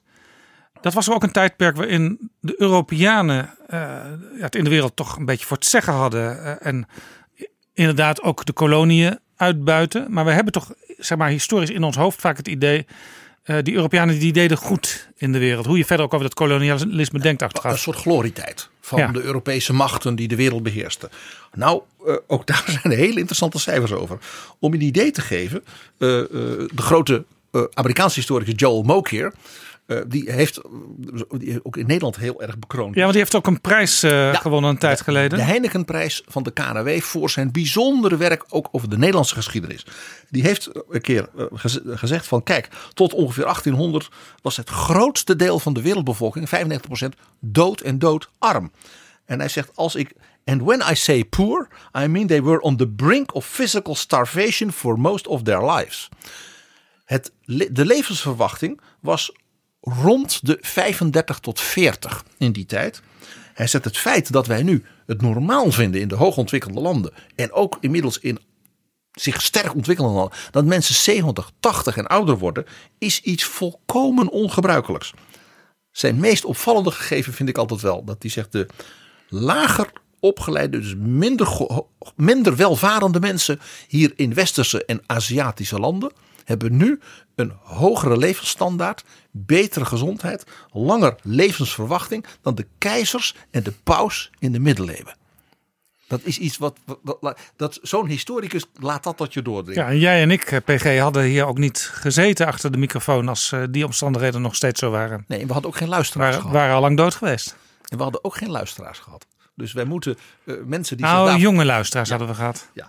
Nou, om, Rosling, Maar die hadden een oude bandjes moeten afdraaien. ja, Rosling die, eh, hè, dus de inspirator van Gates, eh, eh, in dit soort heeft ook een aantal buitengewoon interessante gegevens hierover.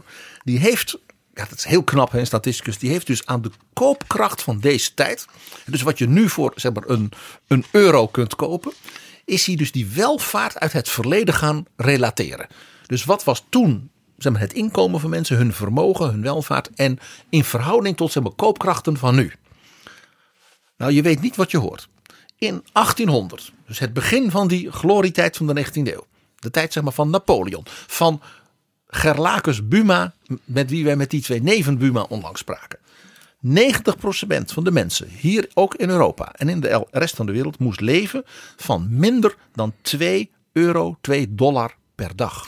In de koopkracht van, van nu, hè? Dus Van nu. daar kun je niet eens een broodje van kopen op het station. Het overgrote deel van, die, van dat gemiddelde ja, zat dus rond een halve euro, halve dollar per dag dat mensen te besteden hadden. Dat was het. Nou, Zo slecht ging het in 1800. 1800. En we maken een sprong uit de gegevens van Rosling naar 1975. Dan denk je, nou, dat was de tijd van ome Joop den Uyl. Dat was de tijd van, van, van, van Helmoet Schmid in Duitsland. De tijd van eh, president Carter eh, in Amerika. Dat waren toch eh, glorietijden al. Toen waren we rijk. Zeker, zegt Mook hier. Bijna iedereen in Europa en Amerika, dus die westerse landen, kon toen leven van nou 15 tot 20 dollar euro per dag. Maar elders in de wereld, Afrika, Azië, leefde het overgrote deel van de mensen nog net zo arm als in 1800. Dus daar was eigenlijk niks veranderd in die, in die regio's in Azië en Afrika. Dus van 1800 tot 1975 was er nauwelijks iets verbeterd. Dus de mensen die zeggen, ja, maar we hebben toch zoveel goeds gedaan in de koloniale landen. Of de mensen die zeggen, ja, maar Mao en de, familie Kim in Korea en in China, die hebben toch met het communisme de, de arme mensen het opgeheven. Mooi niet. Wat we zagen was window dressing, maar het had weinig met de werkelijkheid van alle dag uitstaande. En kijk dan eens naar nu. 2015, de laatste cijfers van Hans Rosling vlak voor zijn dood. Heeft hij dit opnieuw helemaal doorgerekend. Bijna iedereen hier in Europa en Amerika kan leven van meer dan die 20 euro, 20 dollar per dag. Het is nu voor de meesten tussen de 35 en 50. En in Afrika? In Afrika, de helft van de bevolking zit nu duidelijk boven die 2 dollar per dag van uit de periode 1800-1975. Dus dat is een grote sprong vooruit Het gaat beter. duidelijk beter. Maar de meest markant is de welvaartssprong in Azië. In Azië kan nu bijna iedereen leven van die meer dan 2 dollar, 2 euro per dag. De meesten zitten nu op 10 per dag. Ja, dat is ook interessant, want Azië gaat nu ook voor een groot deel uit de ontwikkelingssamenwerking die Nederland heeft. Want eh, het idee is dat is eigenlijk niet meer nodig, want die, die zijn nu op een voldoende hoog niveau gekomen en die kunnen zichzelf helpen. En dat is dus gebeurd in de periode na 1975, dus na de dood van Mao in 76. Je kunt dus zonder enige eh, terughoudendheid vaststellen dat de grootste, eh, belangrijkste, ik zeg maar zeggen, meest effectieve heerser voor het omhoog brengen van welvaart voor mensen in de 20e eeuw is dus Deng Xiaoping geweest. De oude krachtige leider die na Mao China als het ware uit het dal omhoog trok. Interessant. Nog even tot slot uh, de gezondheidszorg in de wereld. Want we hadden natuurlijk in aflevering 8 van Betrouwbare Bronnen Seth Berkeley. Uh, gesteund door Sigrid Kaag met, met, met geld. Ja. Uh, die zorgt ervoor dat mensen systematisch worden, worden ingeënt. In, in bijvoorbeeld Afrika, in Azië. Zijn daar ook cijfers over? Ja, daar zijn hele interessante cijfers over van, van Rosling en zijn leerling Max Roser. Ik geef twee voorbeelden. Twee ziektes, zal ik maar zeggen, die dus massaal voorkwamen. Tot voor kort ook in hoogontwikkelde landen. Kinderpokken. Daar waren tot in de jaren 40 van de vorige eeuw, bijvoorbeeld in cijfers uit de Verenigde Staten, dus niet uit Afrika, hè, 250 ziektegevallen per 1 miljoen mensen. Daarvan ging uh, ongeveer 2 à 3 mensen dood. En hoeveel, hoeveel zijn het er nu? Nul. Nul per 1 gevallen. miljoen. En nul gaan er dood. Is een daling van 100% door dus de vaccinatie. Kinderpokken. Het meest pregnante voorbeeld wat hij geeft is difterie. Dat is een zeer gevaarlijke uh, ziekte die ook, zeg maar, ook wat aan cholera en zo Ja, die, die, tast de longen aan. Precies. Uh, daar was nog in de jaren 40 158 gevallen per 1 miljoen. Dus dat waren echt epidemieën. Dan gingen er 14 van die 158 dus per 1 miljoen ook dood. Dus 10% overleefde dit niet meer. Nu 0 gevallen en 0 doden per 1 miljoen. Ook daar een daling van 100%. En dat is dus gebeurd in een relatief korte periode. Toen men dus die vaccins uitvond. En men daar echt mee aan de slag ging. Dat is natuurlijk het werk van mensen als Rosling. Die dit historisch laat zien. Is natuurlijk een geweldige inspiratie. Voor Seth Berkeley en ook voor Bill Gates. Om te zeggen als dat dus kan. Dan kan ik met mijn vermogen snel, effectief, to the point. Heel veel mensen helpen. Ja, heel interessant. Kennis leidt dus tot hele, hele goede dingen. Tegenwoordig heb je natuurlijk ook de, de verbinding tussen uh, buitenlandse handel en ontwikkelingssamenwerking, waar vroeger een beetje als een taboe tegenaan werd gekeken, ook in Nederland. Maar handel, zeg maar, de commercie kan wel degelijk ook de hulp helpen. Ja, de bedrijven op dat terrein en ook de kennis op dat terrein. Denk ook aan academische ziekenhuizen en universiteiten en R&D-instituten. Die werken hierin dus samen. Dat is eigenlijk een beetje Nederlands ook weer wat polderend, triple helix. Dus bedrijven, kennisorganisaties en overheden. Uh, en, en, je ziet dus dat de manier waarop mevrouw Kaag, als het ware dat die manier van ontwikkelen van het beleid heeft opgepakt, hier sterk op insteekt. Ja, en Bill Gates, die, die, die dit soort dingen ook ondersteunt en, en vooruit helpt, uh, die heeft daar ook een, een scherpe opvatting over. Hè? Want wij hebben natuurlijk in onze historische rubriek, in het kader van waar wij nu praten, het heel vaak over helden uit de geschiedenis. Ja. Maar Bill Gates heeft daar een aparte opvatting over. Bill Gates is door Rosling dus heel anders gaan denken over als ik nou mijn geld steek in dingen. He, dus het idee was dan vaak, ik geef een beroemde professor heel veel geld en dan maakt hij een nieuw vaccin en dan wordt iedereen weer beter. En Rosling door zijn historische analyses, dat is ook zo mooi hè, bij deze rubriek. Dus de historische analyse die, die dus fundamenteel beleid verandert. Ik zal gewoon voorlezen wat Bill Gates hierover zei. Het gaat niet om helden. Dat heb ik geleerd van Rosling. Een enkele uitzondering daar gelaten worden dingen niet beter door helden. Er waren duizend jaar geleden ook helden en de wereld was toch een hel. De moderne wereld is een wonder door zijn stelsels, structuren. Jonas Salk was een geweldige wetenschapper, maar hij is niet de enige reden waarom we de polio hebben kunnen uitbannen. Dat is te danken aan de gecoördineerde vaccinatie-inzet door gezondheidswerkers, NGO's, regeringen.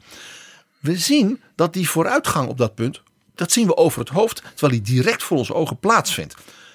En dat is de fout die we maken als we naar helden zoeken in plaats van naar systemen. Wil je iets echt verbeteren? Kijk dan naar wegen en manieren om betere stelsels, betere systemen te bouwen. Mooi citaat van Bill Gates. Dankjewel, PG. Ik ga nu verder praten met Sigrid Kaag over precies ditzelfde onderwerp. Hoe maken we de wereld beter? Dit was Pieter Gerrit Kroeger.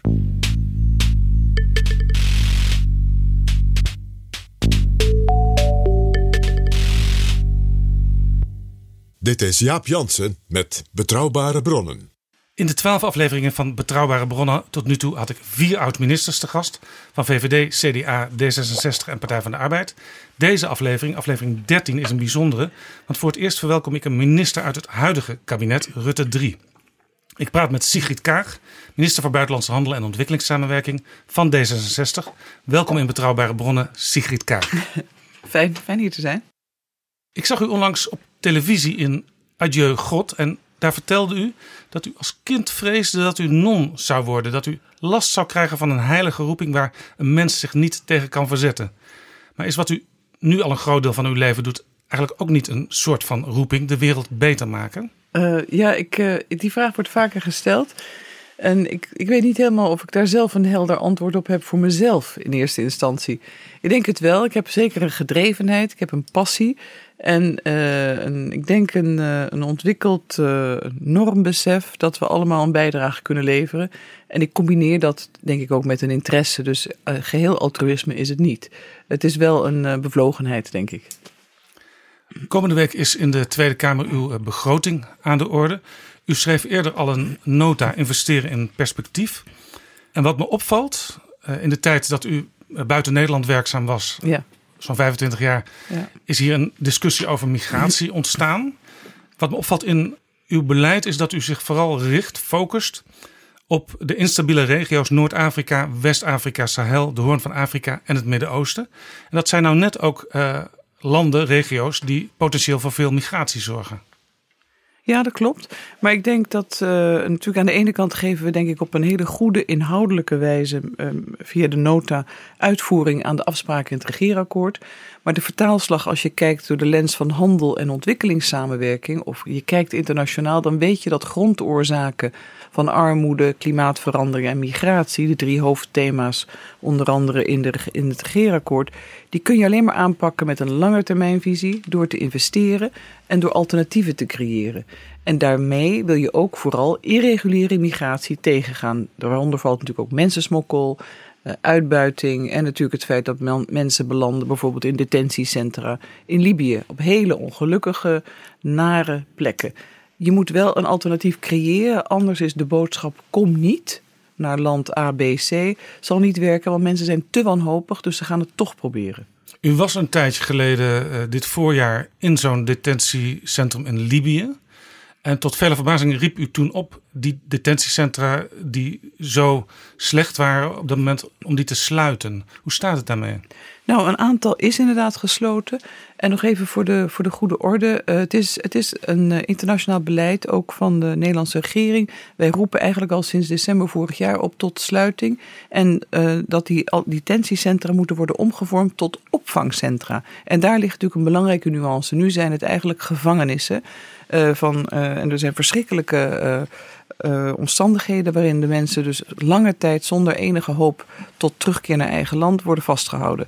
Internationaal wordt er verwacht, ook van UNHCR en van de EU, waaronder natuurlijk Nederland, dat de migranten worden opgevangen en dat er ook terugkeer wordt geregeld. Wij investeren, wij geven geld aan UNHCR en IOM om die terugkeer te versnellen. Er zijn tientallen centra zijn gesloten. We wachten echter natuurlijk nog steeds tot de totale omvorming. Een deel is Libische wetgeving. Iedereen die uh, illegaal in het land aankomt, wordt onmiddellijk vastgezet. Dat is conform lokale wetgeving. Wij zetten natuurlijk ook aan op het feit dat die wetgeving wordt veranderd. En in de tussentijd dat er een de facto situatie wordt gecreëerd van goede opvang en snelle terugkeer van de migranten naar hun eigen land. Dit is Libië. U heeft zelf uh, uh, jarenlang in uh, Libanon ook ja. gewerkt daar is een, een groot deel van de mensen die daar wonen, zou je kunnen zeggen, die is vluchteling. Ja, zijn die landen eigenlijk in de praktijk wel in staat om zulke massa's mensen uh, onderdak te geven? Nou, ik denk dat we absoluut moeten herkennen dat het ontzettend moeilijk is. En dat uh, veel van de landen, het merendeel van de landen, dat sinds jaar en dag al opvang in de regio levert, zonder dat wij dat concept toen al kenden. Uh, die kunnen het eigenlijk al niet aan. Het zijn vaak armere landen of de armste landen. Zelf ook een situatie van conflict doorleeft. Libanon bijvoorbeeld heeft een hele lange burgeroorlog relatief gezien uh, net achter zich. 25 jaar geleden, maar hè, op, een, op een levenstijd is dat, is dat kort. Uh, dus ze staan onder enorme druk. En de regeringen van al die landen zeggen... Wij doen dit, we doen dit uit humanitaire uh, noodzaak, we doen dit uit een soort morele verplichting, maar we hebben veel meer steun en investering nodig. En reken niet op ons dat we dit op lange termijn doen, want ze maken zich zorgen vanwege de aantallen. Libanon, Jordanië, 1 op 3 of 1 op 4 is vluchteling, op de verandering binnen hun eigen samenleving. Toen ontwikkelingssamenwerking uh, begon, um, richtte Nederland zich ook op uh, Latijns-Amerika, ook op Azië. En nu focust hij zich vooral op een, op een deel van Afrika en het Midden-Oosten. Betekent dat dat de rest van de wereld er eigenlijk langzamerhand bovenop is gekomen? Niet per se. Ik denk dat we natuurlijk ook in onze keuzes hebben gekeken waar, een, uh, waar Nederland het meest kan bijdragen. Waar er ook een directe correlatie is of relatie kan worden gelegd met belang van Nederland. Maar op een, op, ik denk op een gebalanceerde manier. En hoe wij nu een analyse hebben gemaakt van grondoorzaken en waar wij bijdrage kunnen leveren aan de oplossing. Het is ook zo natuurlijk dat veel landen in Midden-Amerika bijvoorbeeld een andere inkomensgrens hebben bereikt. Dus kwetsbaarheid is altijd de lens uh, waarmee we kijken naar uh, inzet van Nederlands mensen, middelen of kennis. Ja, want er, gaat, er is gaat inmiddels ook veel goed in, de, in wat we vroeger ja. de derde wereld noemen. Dat hoor je eigenlijk nooit meer. Ja. Uh, de armoede is spectaculair gedaald. Uh, de meeste mensen hebben toegang tot, tot zuiver drinkwater.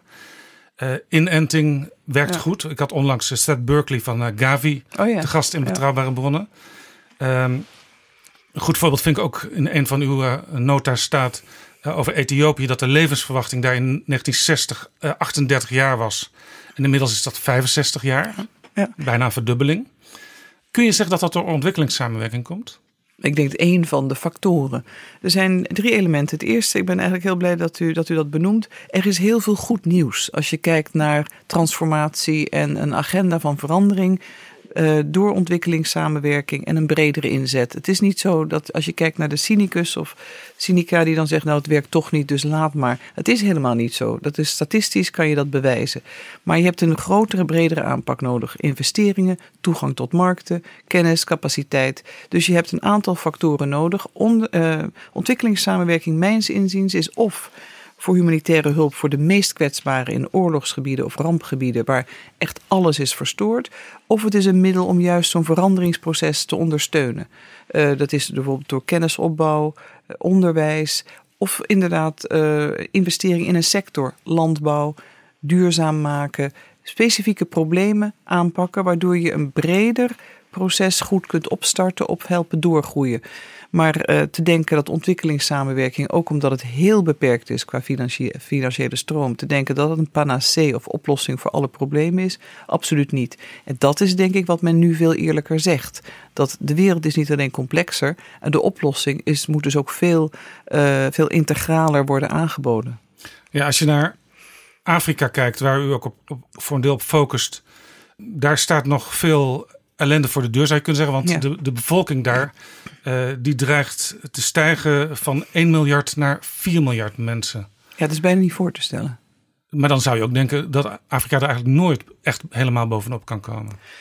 Nee, en dat is denk ik een gedachte, dat is de realiteit. Gevolk, uh, bevolkingsplanning moeten we natuurlijk nog steeds heel hard aan blijven trekken. En ook juist de verantwoordelijkheid maken, niet alleen van regering, maar het maatschappelijk middenveld daar, de kerken, de bedrijven. Iedereen heeft daar een grote rol in te spelen. Want inderdaad, anders zou je zeggen, je, wij praten over investeren in perspectief. Het moet niet een investeren in uitzichtloosheid worden.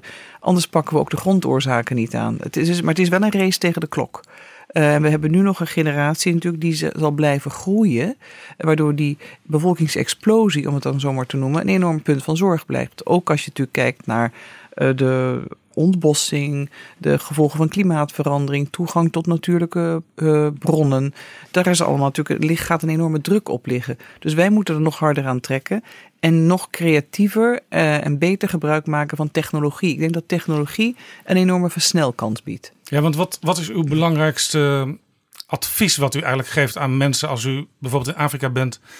Want traditioneel weten we dat er komen veel kinderen ook uit een soort sociale zekerheidsidee. Ja. Van, ja. uh, dan zijn er tenminste nog wat mensen als ik ouder ben die mij kunnen ondersteunen. Maar ja, het, het, het heeft vaak het tegenovergestelde effect. Het heeft het tegenovergestelde effect. Wat je heel erg merkt is zodra uh, er meer onderwijs beschikbaar is. En vooral vrouwen en, me en meisjes, en dan dus vrouwen, uh, onderwijs kunnen genieten. Dan neemt op termijn, kortere of langere termijn, ook uh, het aantal kinderen af. Je, wat je ook ziet is dat het gezin beter gevoed is, beter beschermd, beter toegang tot gezondheidszorg krijgt. En één jaar extra inkomen voor één jaar extra opleiding voor een meisje is 10% extra inkomen voor het gezin.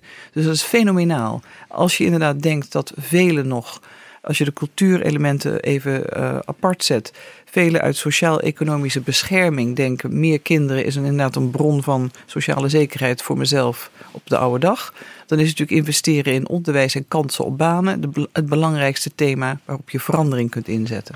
Verder is natuurlijk ook bewustwording ontzettend belangrijk en toegang tot uh, anticonceptie.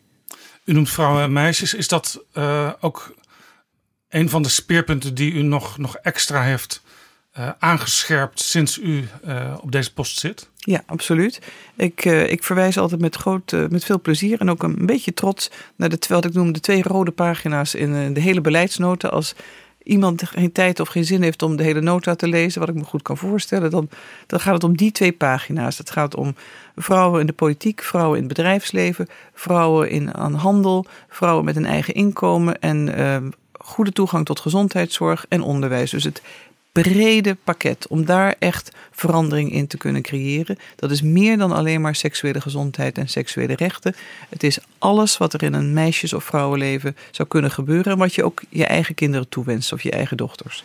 Een ander punt wat u noemt in uw uh, beleidsnota is het voorkomen van conflicten. Maar het ja. aantal conflicten in de wereld is, is alleen maar enorm toegenomen de laatste jaren. Ja, we hebben deze nota ook echt uh, gekenschetst als een preventieagenda. En dat is niet alleen conflictpreventie, dat is door te investeren op alle manieren en een, een basis van stabiliteit en sociale cohesie te kunnen helpen creëren. Op een bescheiden manier. Hè. Ik wil onze eigen rol natuurlijk niet uh, uh, groter maken dan die is, maar in, een, in samenwerkingsverband met anderen. Om daarop focus te leggen, voorkom je uiteindelijk ook conflicten. Maar conflicten zijn van velelei aard. Uh, het kan territoriaal zijn, zoals u weet, uh, door, door extremisme beïnvloed. Uh, onopgeloste conflicten die door klimaatverandering of toegang tot bronnen nog weer verergerd zijn. Dat zien we in veel Afrikaanse landen ook.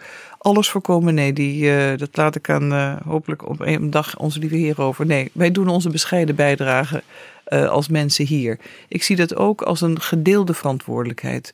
Wij wonen in een, uh, in een prachtig land, Nederland. Het gaat economisch gelukkig nog heel goed. Er zijn natuurlijk hele belangrijke sociale, economische kwesties voor de Nederlandse bevolking die goed aangepakt moeten worden. Maar als je kijkt naar wat wij kunnen doen met onze middelen in het buitenland, dan is het goed dat we daar een eh, verstandige bijdrage aan leveren. De voorpagina's van de krant, ook in Nederland, inmiddels staan vol over Jemen. Uh, Saudi-Arabië is daar gaan stoken. Iran bemoeit zich daarmee.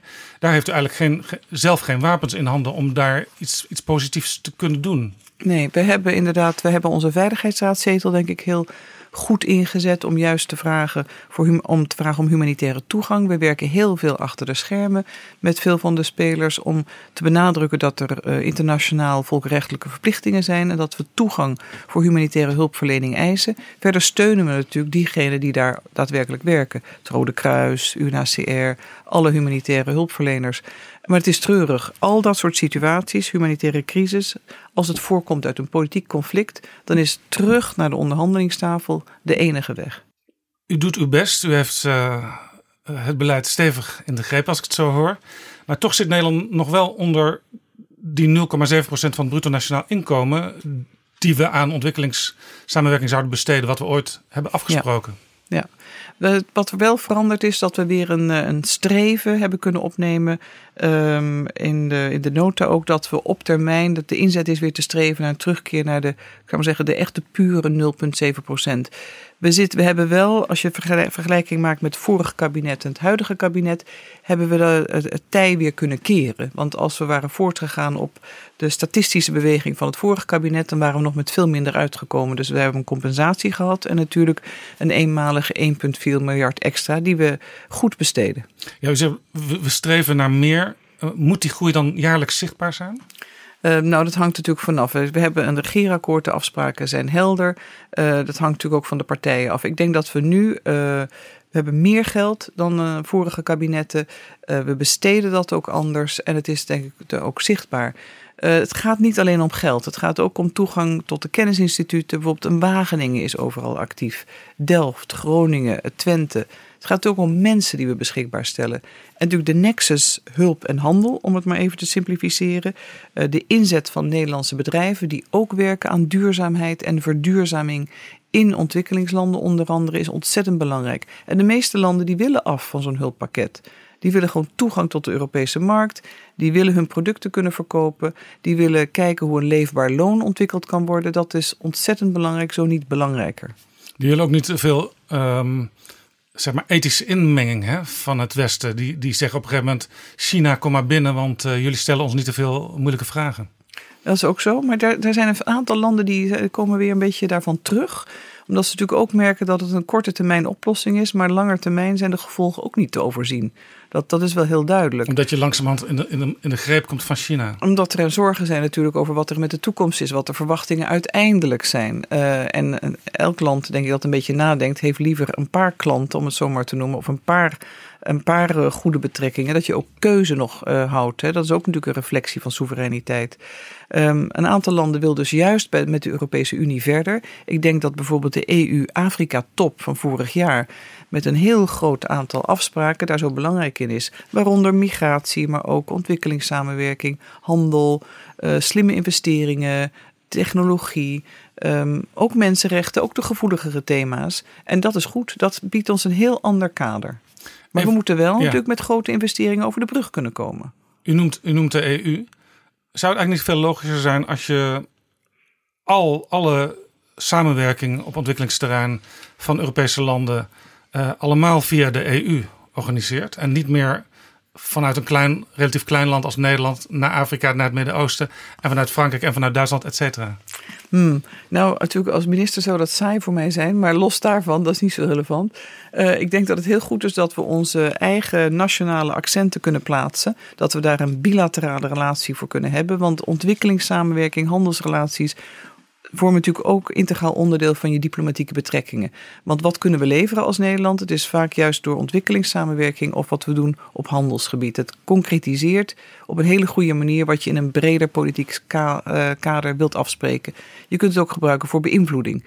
Um, de EU is natuurlijk groot. Het gaat ook om schaalvergroting, ontzettend belangrijk. Maar er zitten binnenkort met Brexit natuurlijk 27 landen aan tafel. En we hebben nog steeds heel veel andere meningen op veel thema's. Dus ik denk dat die complementariteit ontzettend belangrijk is. Die beïnvloeding was trouwens vroeger voor een van uw verre voorgangers, Jan Pronk, een reden om eh, bijna 100 landen eh, te hulp te schieten. Want dan heb je overal invloed, zei hij.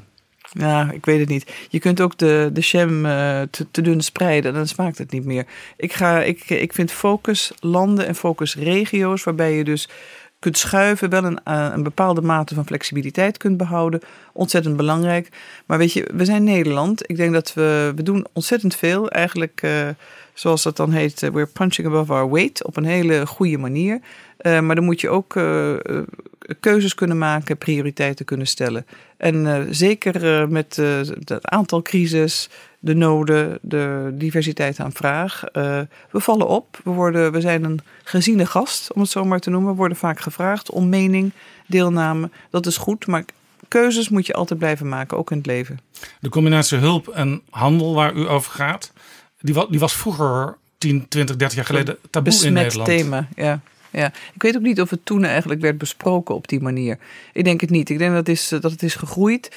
En dat komt ook omdat het, uh, het bedrijfsleven zelf, als je kijkt naar thema's als maatschappelijk verantwoord ondernemen, uh, het meenemen van mensenrechten, goede investeringen, het bedrijfsleven zelf is natuurlijk ook heel erg veranderd. Omdat het uh, kijkt en, en werkt in een groot aantal landen. En zeker denk ik de gerenommeerde bedrijven, die willen op een andere manier handel drijven. En die willen ook op een verstandige manier investeren, zodat natuurlijk de toekomst van de markt ook evolueert. Het is gewoon goed voor het zakenleven en het is ook goed voor die landen zelf. Als je het op een manier doet dat het ethisch verantwoord is en dat je je houdt aan de richtlijnen die daarvoor gesteld zijn.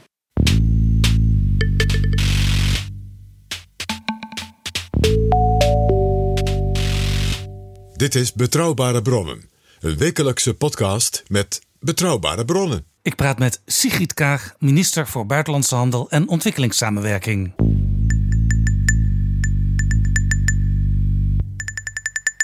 Nederland uh, is een heel belangrijk uh, handelsland. We staan ja. vierde op de ranglijst van de meest concurrerende economieën ter wereld. Zelfs nummer één als je het kijkt binnen de Europese ja. Unie. En nummer twee op de globale innovatie-index. Daar ben ik ook altijd heel trots op.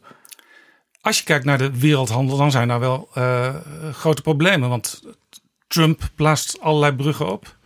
Er zijn problemen met China, er zijn problemen met Rusland. Dat maakt het weer minder makkelijk voor u. Ja, ja ik, maar ik geloof niet dat je dit soort banen neemt voor het gemak. Uh, maar het, uh, het is natuurlijk een ontzettende uitdaging en dat is waarschijnlijk een understatement. En we hebben daar wel ook een, denk ik, een rol in te spelen, zowel als bruggenbouwer en omdat we een belangrijk handelsland zijn.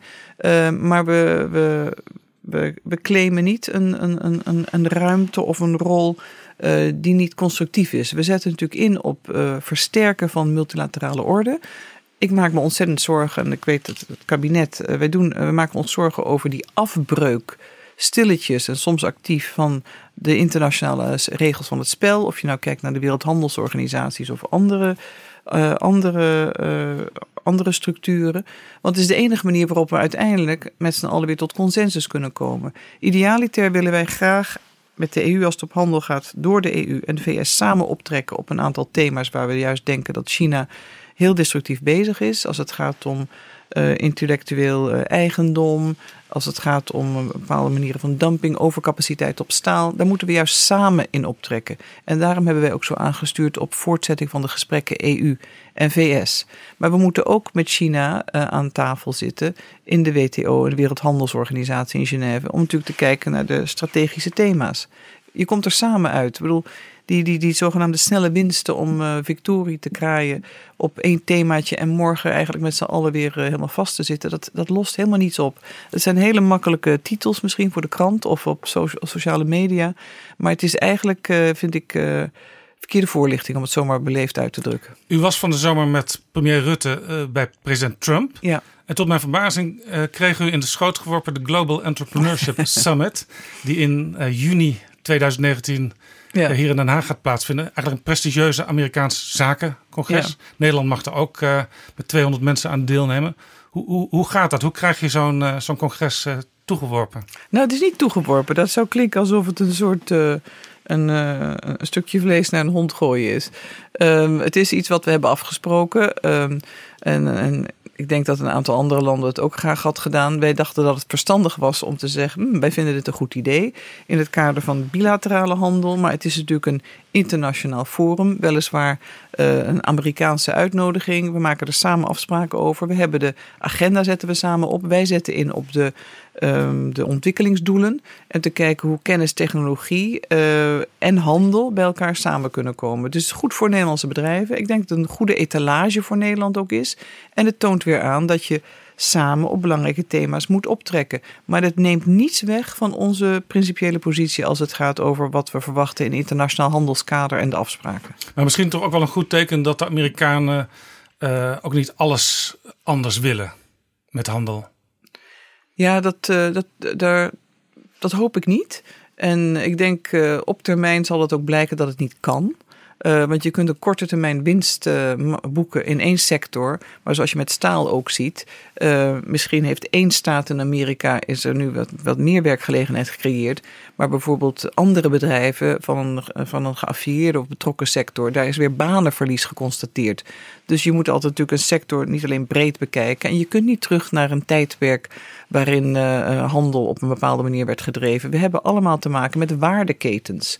Niets wordt meer uniek in land, alleen in land A geproduceerd. En, en het wordt dan verkocht en verder heb je niets te maken met de rest van de wereld. Die tijd is al lang niet meer. Een ander groot probleem is de Brexit. We zien de Britten eigenlijk steeds verder in het moeras zakken. Hoe groot is voor Nederland de schade? Nou, uh, ik denk dat we op dit moment uh, uh, blij zijn dat het lijkt dat we hè, op, een, op, een, op een akkoord kunnen af. dat, kunnen landen, maar niets is natuurlijk zeker. bij, een, bij een deal is er natuurlijk ook al een, een, een, een mindere groei als je, voor, voor Nederland. We zijn natuurlijk een van de meest betrokken markten. Uh, tussen de 0,9% en 1,5% van het uh, bruto nationaal product. Uh, dat zijn oudere cijfers van het Centraal Planbureau. Bij, als het toch nog een no-deal zou worden, dan is de economische schade natuurlijk groter. Onze inzet is al heel vroeg geweest dat bedrijven zich voorbereiden.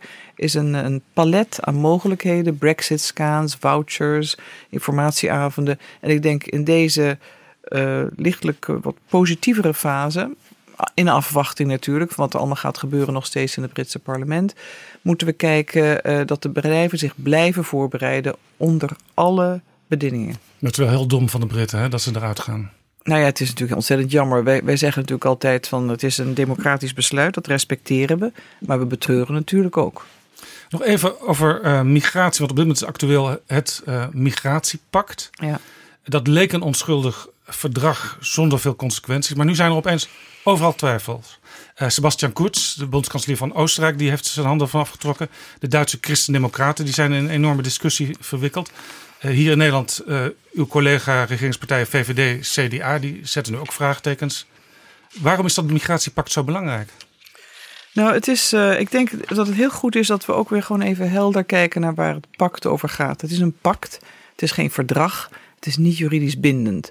En dan begin ik natuurlijk met wat het niet is. Het maar is mensen zeggen altijd: we zien de rechter steeds breder uitleg geven aan allerlei, uh, niet alleen verdragen, maar ook misschien pakten. Dus we weten niet zeker wat voor consequenties dit nou, heeft. Ik denk als ik, ik zal nog even terugkomen. Ik denk dat het is een kader van afspraken uh, op het terrein van migratie. Het, uh, het zou in de toekomst mogelijkheden geven om landen aan te spreken op, op de plicht natuurlijk, of te blijven aanspreken op de plicht terugname van eigen burgers. Maar ook thema mensensmokkel. Hoe je betere kaders creëert om irreguliere migratie uh, aan te pakken. Dit zijn overigens al gesprekken die zijn gestart eigenlijk in 2006 2007 Er zijn een aantal conferenties geweest, 2010. Er is wat dat betreft niets nieuws onder de horizon. Ik denk dat een aantal mensen inderdaad nu andere aanknopingspunten uh, daarbij zoeken. Het kabinet gaat heel zorgvuldig te werk. Uh, er zitten heel veel positieve uh, elementen in, juist om op een heldere, verstandige manier in de 21ste eeuw naar migratie te kijken. Voor Nederland betekent het in de praktijk, denk ik, heel weinig. Want het gaat erom dat heel veel andere landen eigenlijk op een niveau worden opgetrokken, omhoog gaan in wat hun inzet is aan migratie. Ook het tegengaan van irreguliere migratie uit eigen land. Dat betreft ons niet. Kabinet gaat natuurlijk wel heel zorgvuldig te werk. Daarom is er ook een juridische weging nog om inderdaad mogelijke risico's en punten van zorg weg te nemen. En uh, daar komt dan nog een, uh, een besluit op. Daar wil ik niet op vooruitlopen. U bent 25 jaar uh, buiten Nederland werkzaam en woonachtig geweest. Ja. Nu bent u minister. Afgelopen weekend zagen we ehm, de intocht van Sinterklaas. Toen zagen we ook weer de Zwarte Pieten discussie. En het liep in een aantal gemeenten uit de hand. Hoe kijkt u van buiten komend uh, naar die tafereelen? Nou, in de eerste plaats, ik heb zelf ook altijd Sinterklaas gevierd met mijn kinderen. Inderdaad, meer met Sinterklaas in het buitenland. Uh, het heeft een heel, ik denk, het is een mooie Nederlandse traditie. Het is een kinderfeest. Het wordt natuurlijk maar op die manier in een paar landen gevierd. Wat me heel erg treft wel natuurlijk. En dat zie je natuurlijk op een veel breder terrein. Dat er een enorme onwil ontstaat om elkaar standpunt te begrijpen. Het gaat uh, volkomen, loopt het uit de hand. En uiteindelijk gaat het wel om een samenleving. We moeten erkennen dat als er gevoeligheden zijn voor bepaalde bevolkingsgroepen, dat je dat meeneemt en dat je bereid bent om te evolueren. De maatschappij verandert. Nederland van nu is niet het Nederland waarin ik ben geboren in 1961. En er is perspectief en er moet tolerantie en respect zijn. En het recht op demonstratie op een vreedzame wijze. Ja, dit is eigenlijk ook wat u in uw Abel Herzberg-lezing benadrukte. Hè? U zei erin dat, er een, dat u een enorme kloof ziet tussen delen van de bevolking. U zei ook, ik voel me soms behandeld als een vreemdeling in eigen land. Maar sommige mensen uh, die de migratie zien toenemen, die de globalisering zien toenemen, mm -hmm. Die voelen zich soms ook een vreemdeling in, in hun eigen ja, land. Ja, ja. En ik denk dat het belangrijk is dat niet alleen te te erkennen en te onderkennen. En met elkaar dus in gesprek te gaan wat, uh, wat een goede weg vooruit is. Maar stigmatisering is nooit een oplossing. Uh, een ander wegzetten uh, in een bepaal, en met een etiket leidt meestal ook niet tot een heilzame weg. Ik denk dat we weer in Nederland, dat was ook een deel van de oproep natuurlijk, we moeten weer terug naar het, ik zou zeggen, het redelijke midden. Want tolerantie. Het is een beetje zonder, ook het oude D66 nou ja, stempel, het, hè? het redelijk het, alternatief. Het, ja, het, en het oude nieuwe, denk ik. Want er is wel duidelijk, als ik ook kijk naar de reacties, natuurlijk negatief en positief, maar de reacties spontaan die ik nog, als ik ergens loop of ben, mensen die me aanklampen en over de Abel Herzberg lezing beginnen. Uh, en zich daarin uh, uh, aange, een, ja, aangesproken voelen. dat is heel bijzonder. En dat, dat moedigt dus ook eigenlijk aan om te zeggen: natuurlijk, het merendeel van de Nederlander uh, wil niet alleen een tolerant en open Nederland, maar respect dat moet je ook voor blijven vechten op een beschaafde manier. U riep op in die lezing de stilte van het zwijgen te doorbreken. Is er te veel gezwegen? Nou ja, ik denk als je zoveel lawaai over je heen krijgt, dan begrijp ik ook de menselijke reactie. Dat je denkt van nou, mm, laat maar, heb ik hier zin in? En uh, zo heb je wat je dan in het Engels heel mooi noemt, uh, de vocal minority. Dat zie je natuurlijk op sociale media. Je ziet het vooral op Twitter. Je ziet het in de toon en het taalgebruik. En ik denk het merendeel van de mensen zoekt dat niet op. Um, en wil ook zo niet behandeld worden. Maar daardoor krijg je wel een, een wel een stilte uh, die niet goed is. U noemde in uw uh, lezing geen namen. Dat past misschien ook niet echt bij een minister om, om, om andere politieke partijen te recenseren. Maar heb ik het, de, uw lezing goed begrepen dat u vooral ook doelde op partijen als PVV, Forum voor Democratie en ook DENK? Nou, ik laat het aan de fantasie van ieder over. Maar inderdaad, het past niet aan een minister uh, uh, om, om, om op die manier te recenseren. Ik, de lezing was natuurlijk ook veel breder. Hè? Ik heb het over de wereld gehad, ik heb het over de geschiedenis gehad, maar ook binnen Europa gekeken. Het gaat mij om trends. Niet om personen of partijen. Je ziet een hele trend en dat kan ook in de maatschappij zijn. Um, en dat is veel belangrijker, denk ik. Ik denk dat mensen dat we bij onszelf te raden moeten gaan. Wat zie ik hier als, als verandering en wat kan ik, ik, ik daaraan doen? Het is veel breder dan, dan poppetjes. U pleit voor het redelijke midden. Als ik uh, opiniepeilingen zie en kijk naar uh, Sigrid Kaag, dan valt me op dat u heel populair bent bij de linkerkant van het electoraat. En maar aan de rechterkant, ook bij VVD-kiezers, heel onpopulair bent. Schiet u dan zelf niet tekort als u vindt dat mensen weer bij elkaar gebracht moeten worden? Ja, ik, ik weet niet of. Uh, ik denk dat dat uh, meer te maken heeft met de etiketten die mensen plakken. En dan of, of ik tekort schiet, dat weet ik niet. Kijk, weet men, men plaatst elkaar graag. Ik doe daar niet aan mee. Ik ga voor inhoud. Ik wil kijken wat de beleidsoplossing is. En vanuit mijn huidige rol, wat, wat, wat verantwoordelijk ministerieel opereren is. En ja, dat past kennelijk niet altijd in alle kaders, of misschien voor sommigen wel. Dat is uh, jammer voor mij. En ik hoop op termijn dat dat uh, beeld uh, genuanceerder eruit komt. Ik heb een paar keer horen zeggen. Ik zie wat komt. Als het bijvoorbeeld gaat om wat u over een aantal jaren mm -hmm. gaat doen. Uh, er werd al een paar keer aan u gevraagd. Wilt u misschien naar D66 gaan leiden? En dan werd ook geconcludeerd. Ze sluit het niet uit. Dat is nog steeds zo? Ik sluit nooit iets uit in het leven. omdat ik heel vaak hele onverwachte dingen heb gedaan. Uh, die ik nooit heb gepland. Uh, minister worden bijvoorbeeld ook niet. Of nu in Nederland zijn.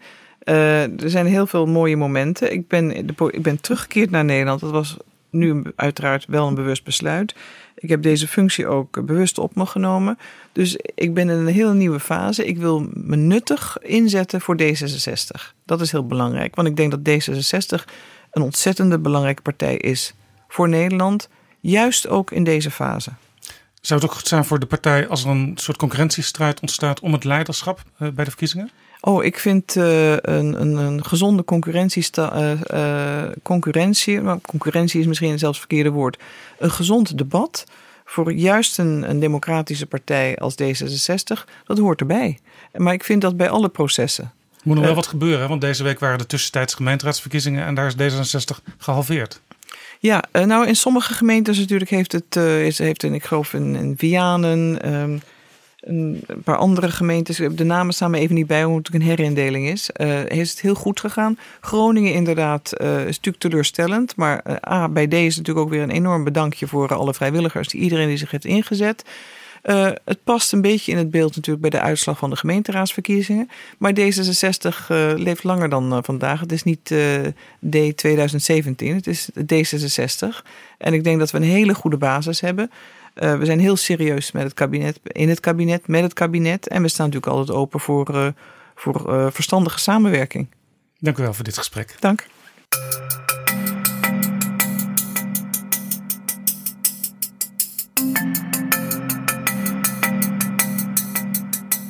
Dit was aflevering 13 van Betrouwbare Bronnen.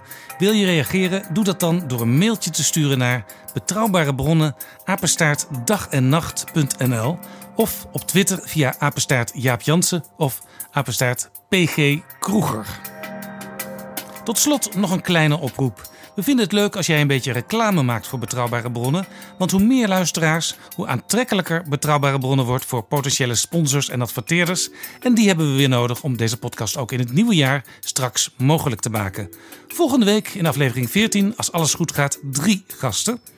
Een Europarlementariër, opnieuw een minister uit het huidige kabinet en ook een oud minister-president. Tot volgende week. Betrouwbare bronnen wordt gemaakt door Jaap Jansen in samenwerking met dag en nacht.nl.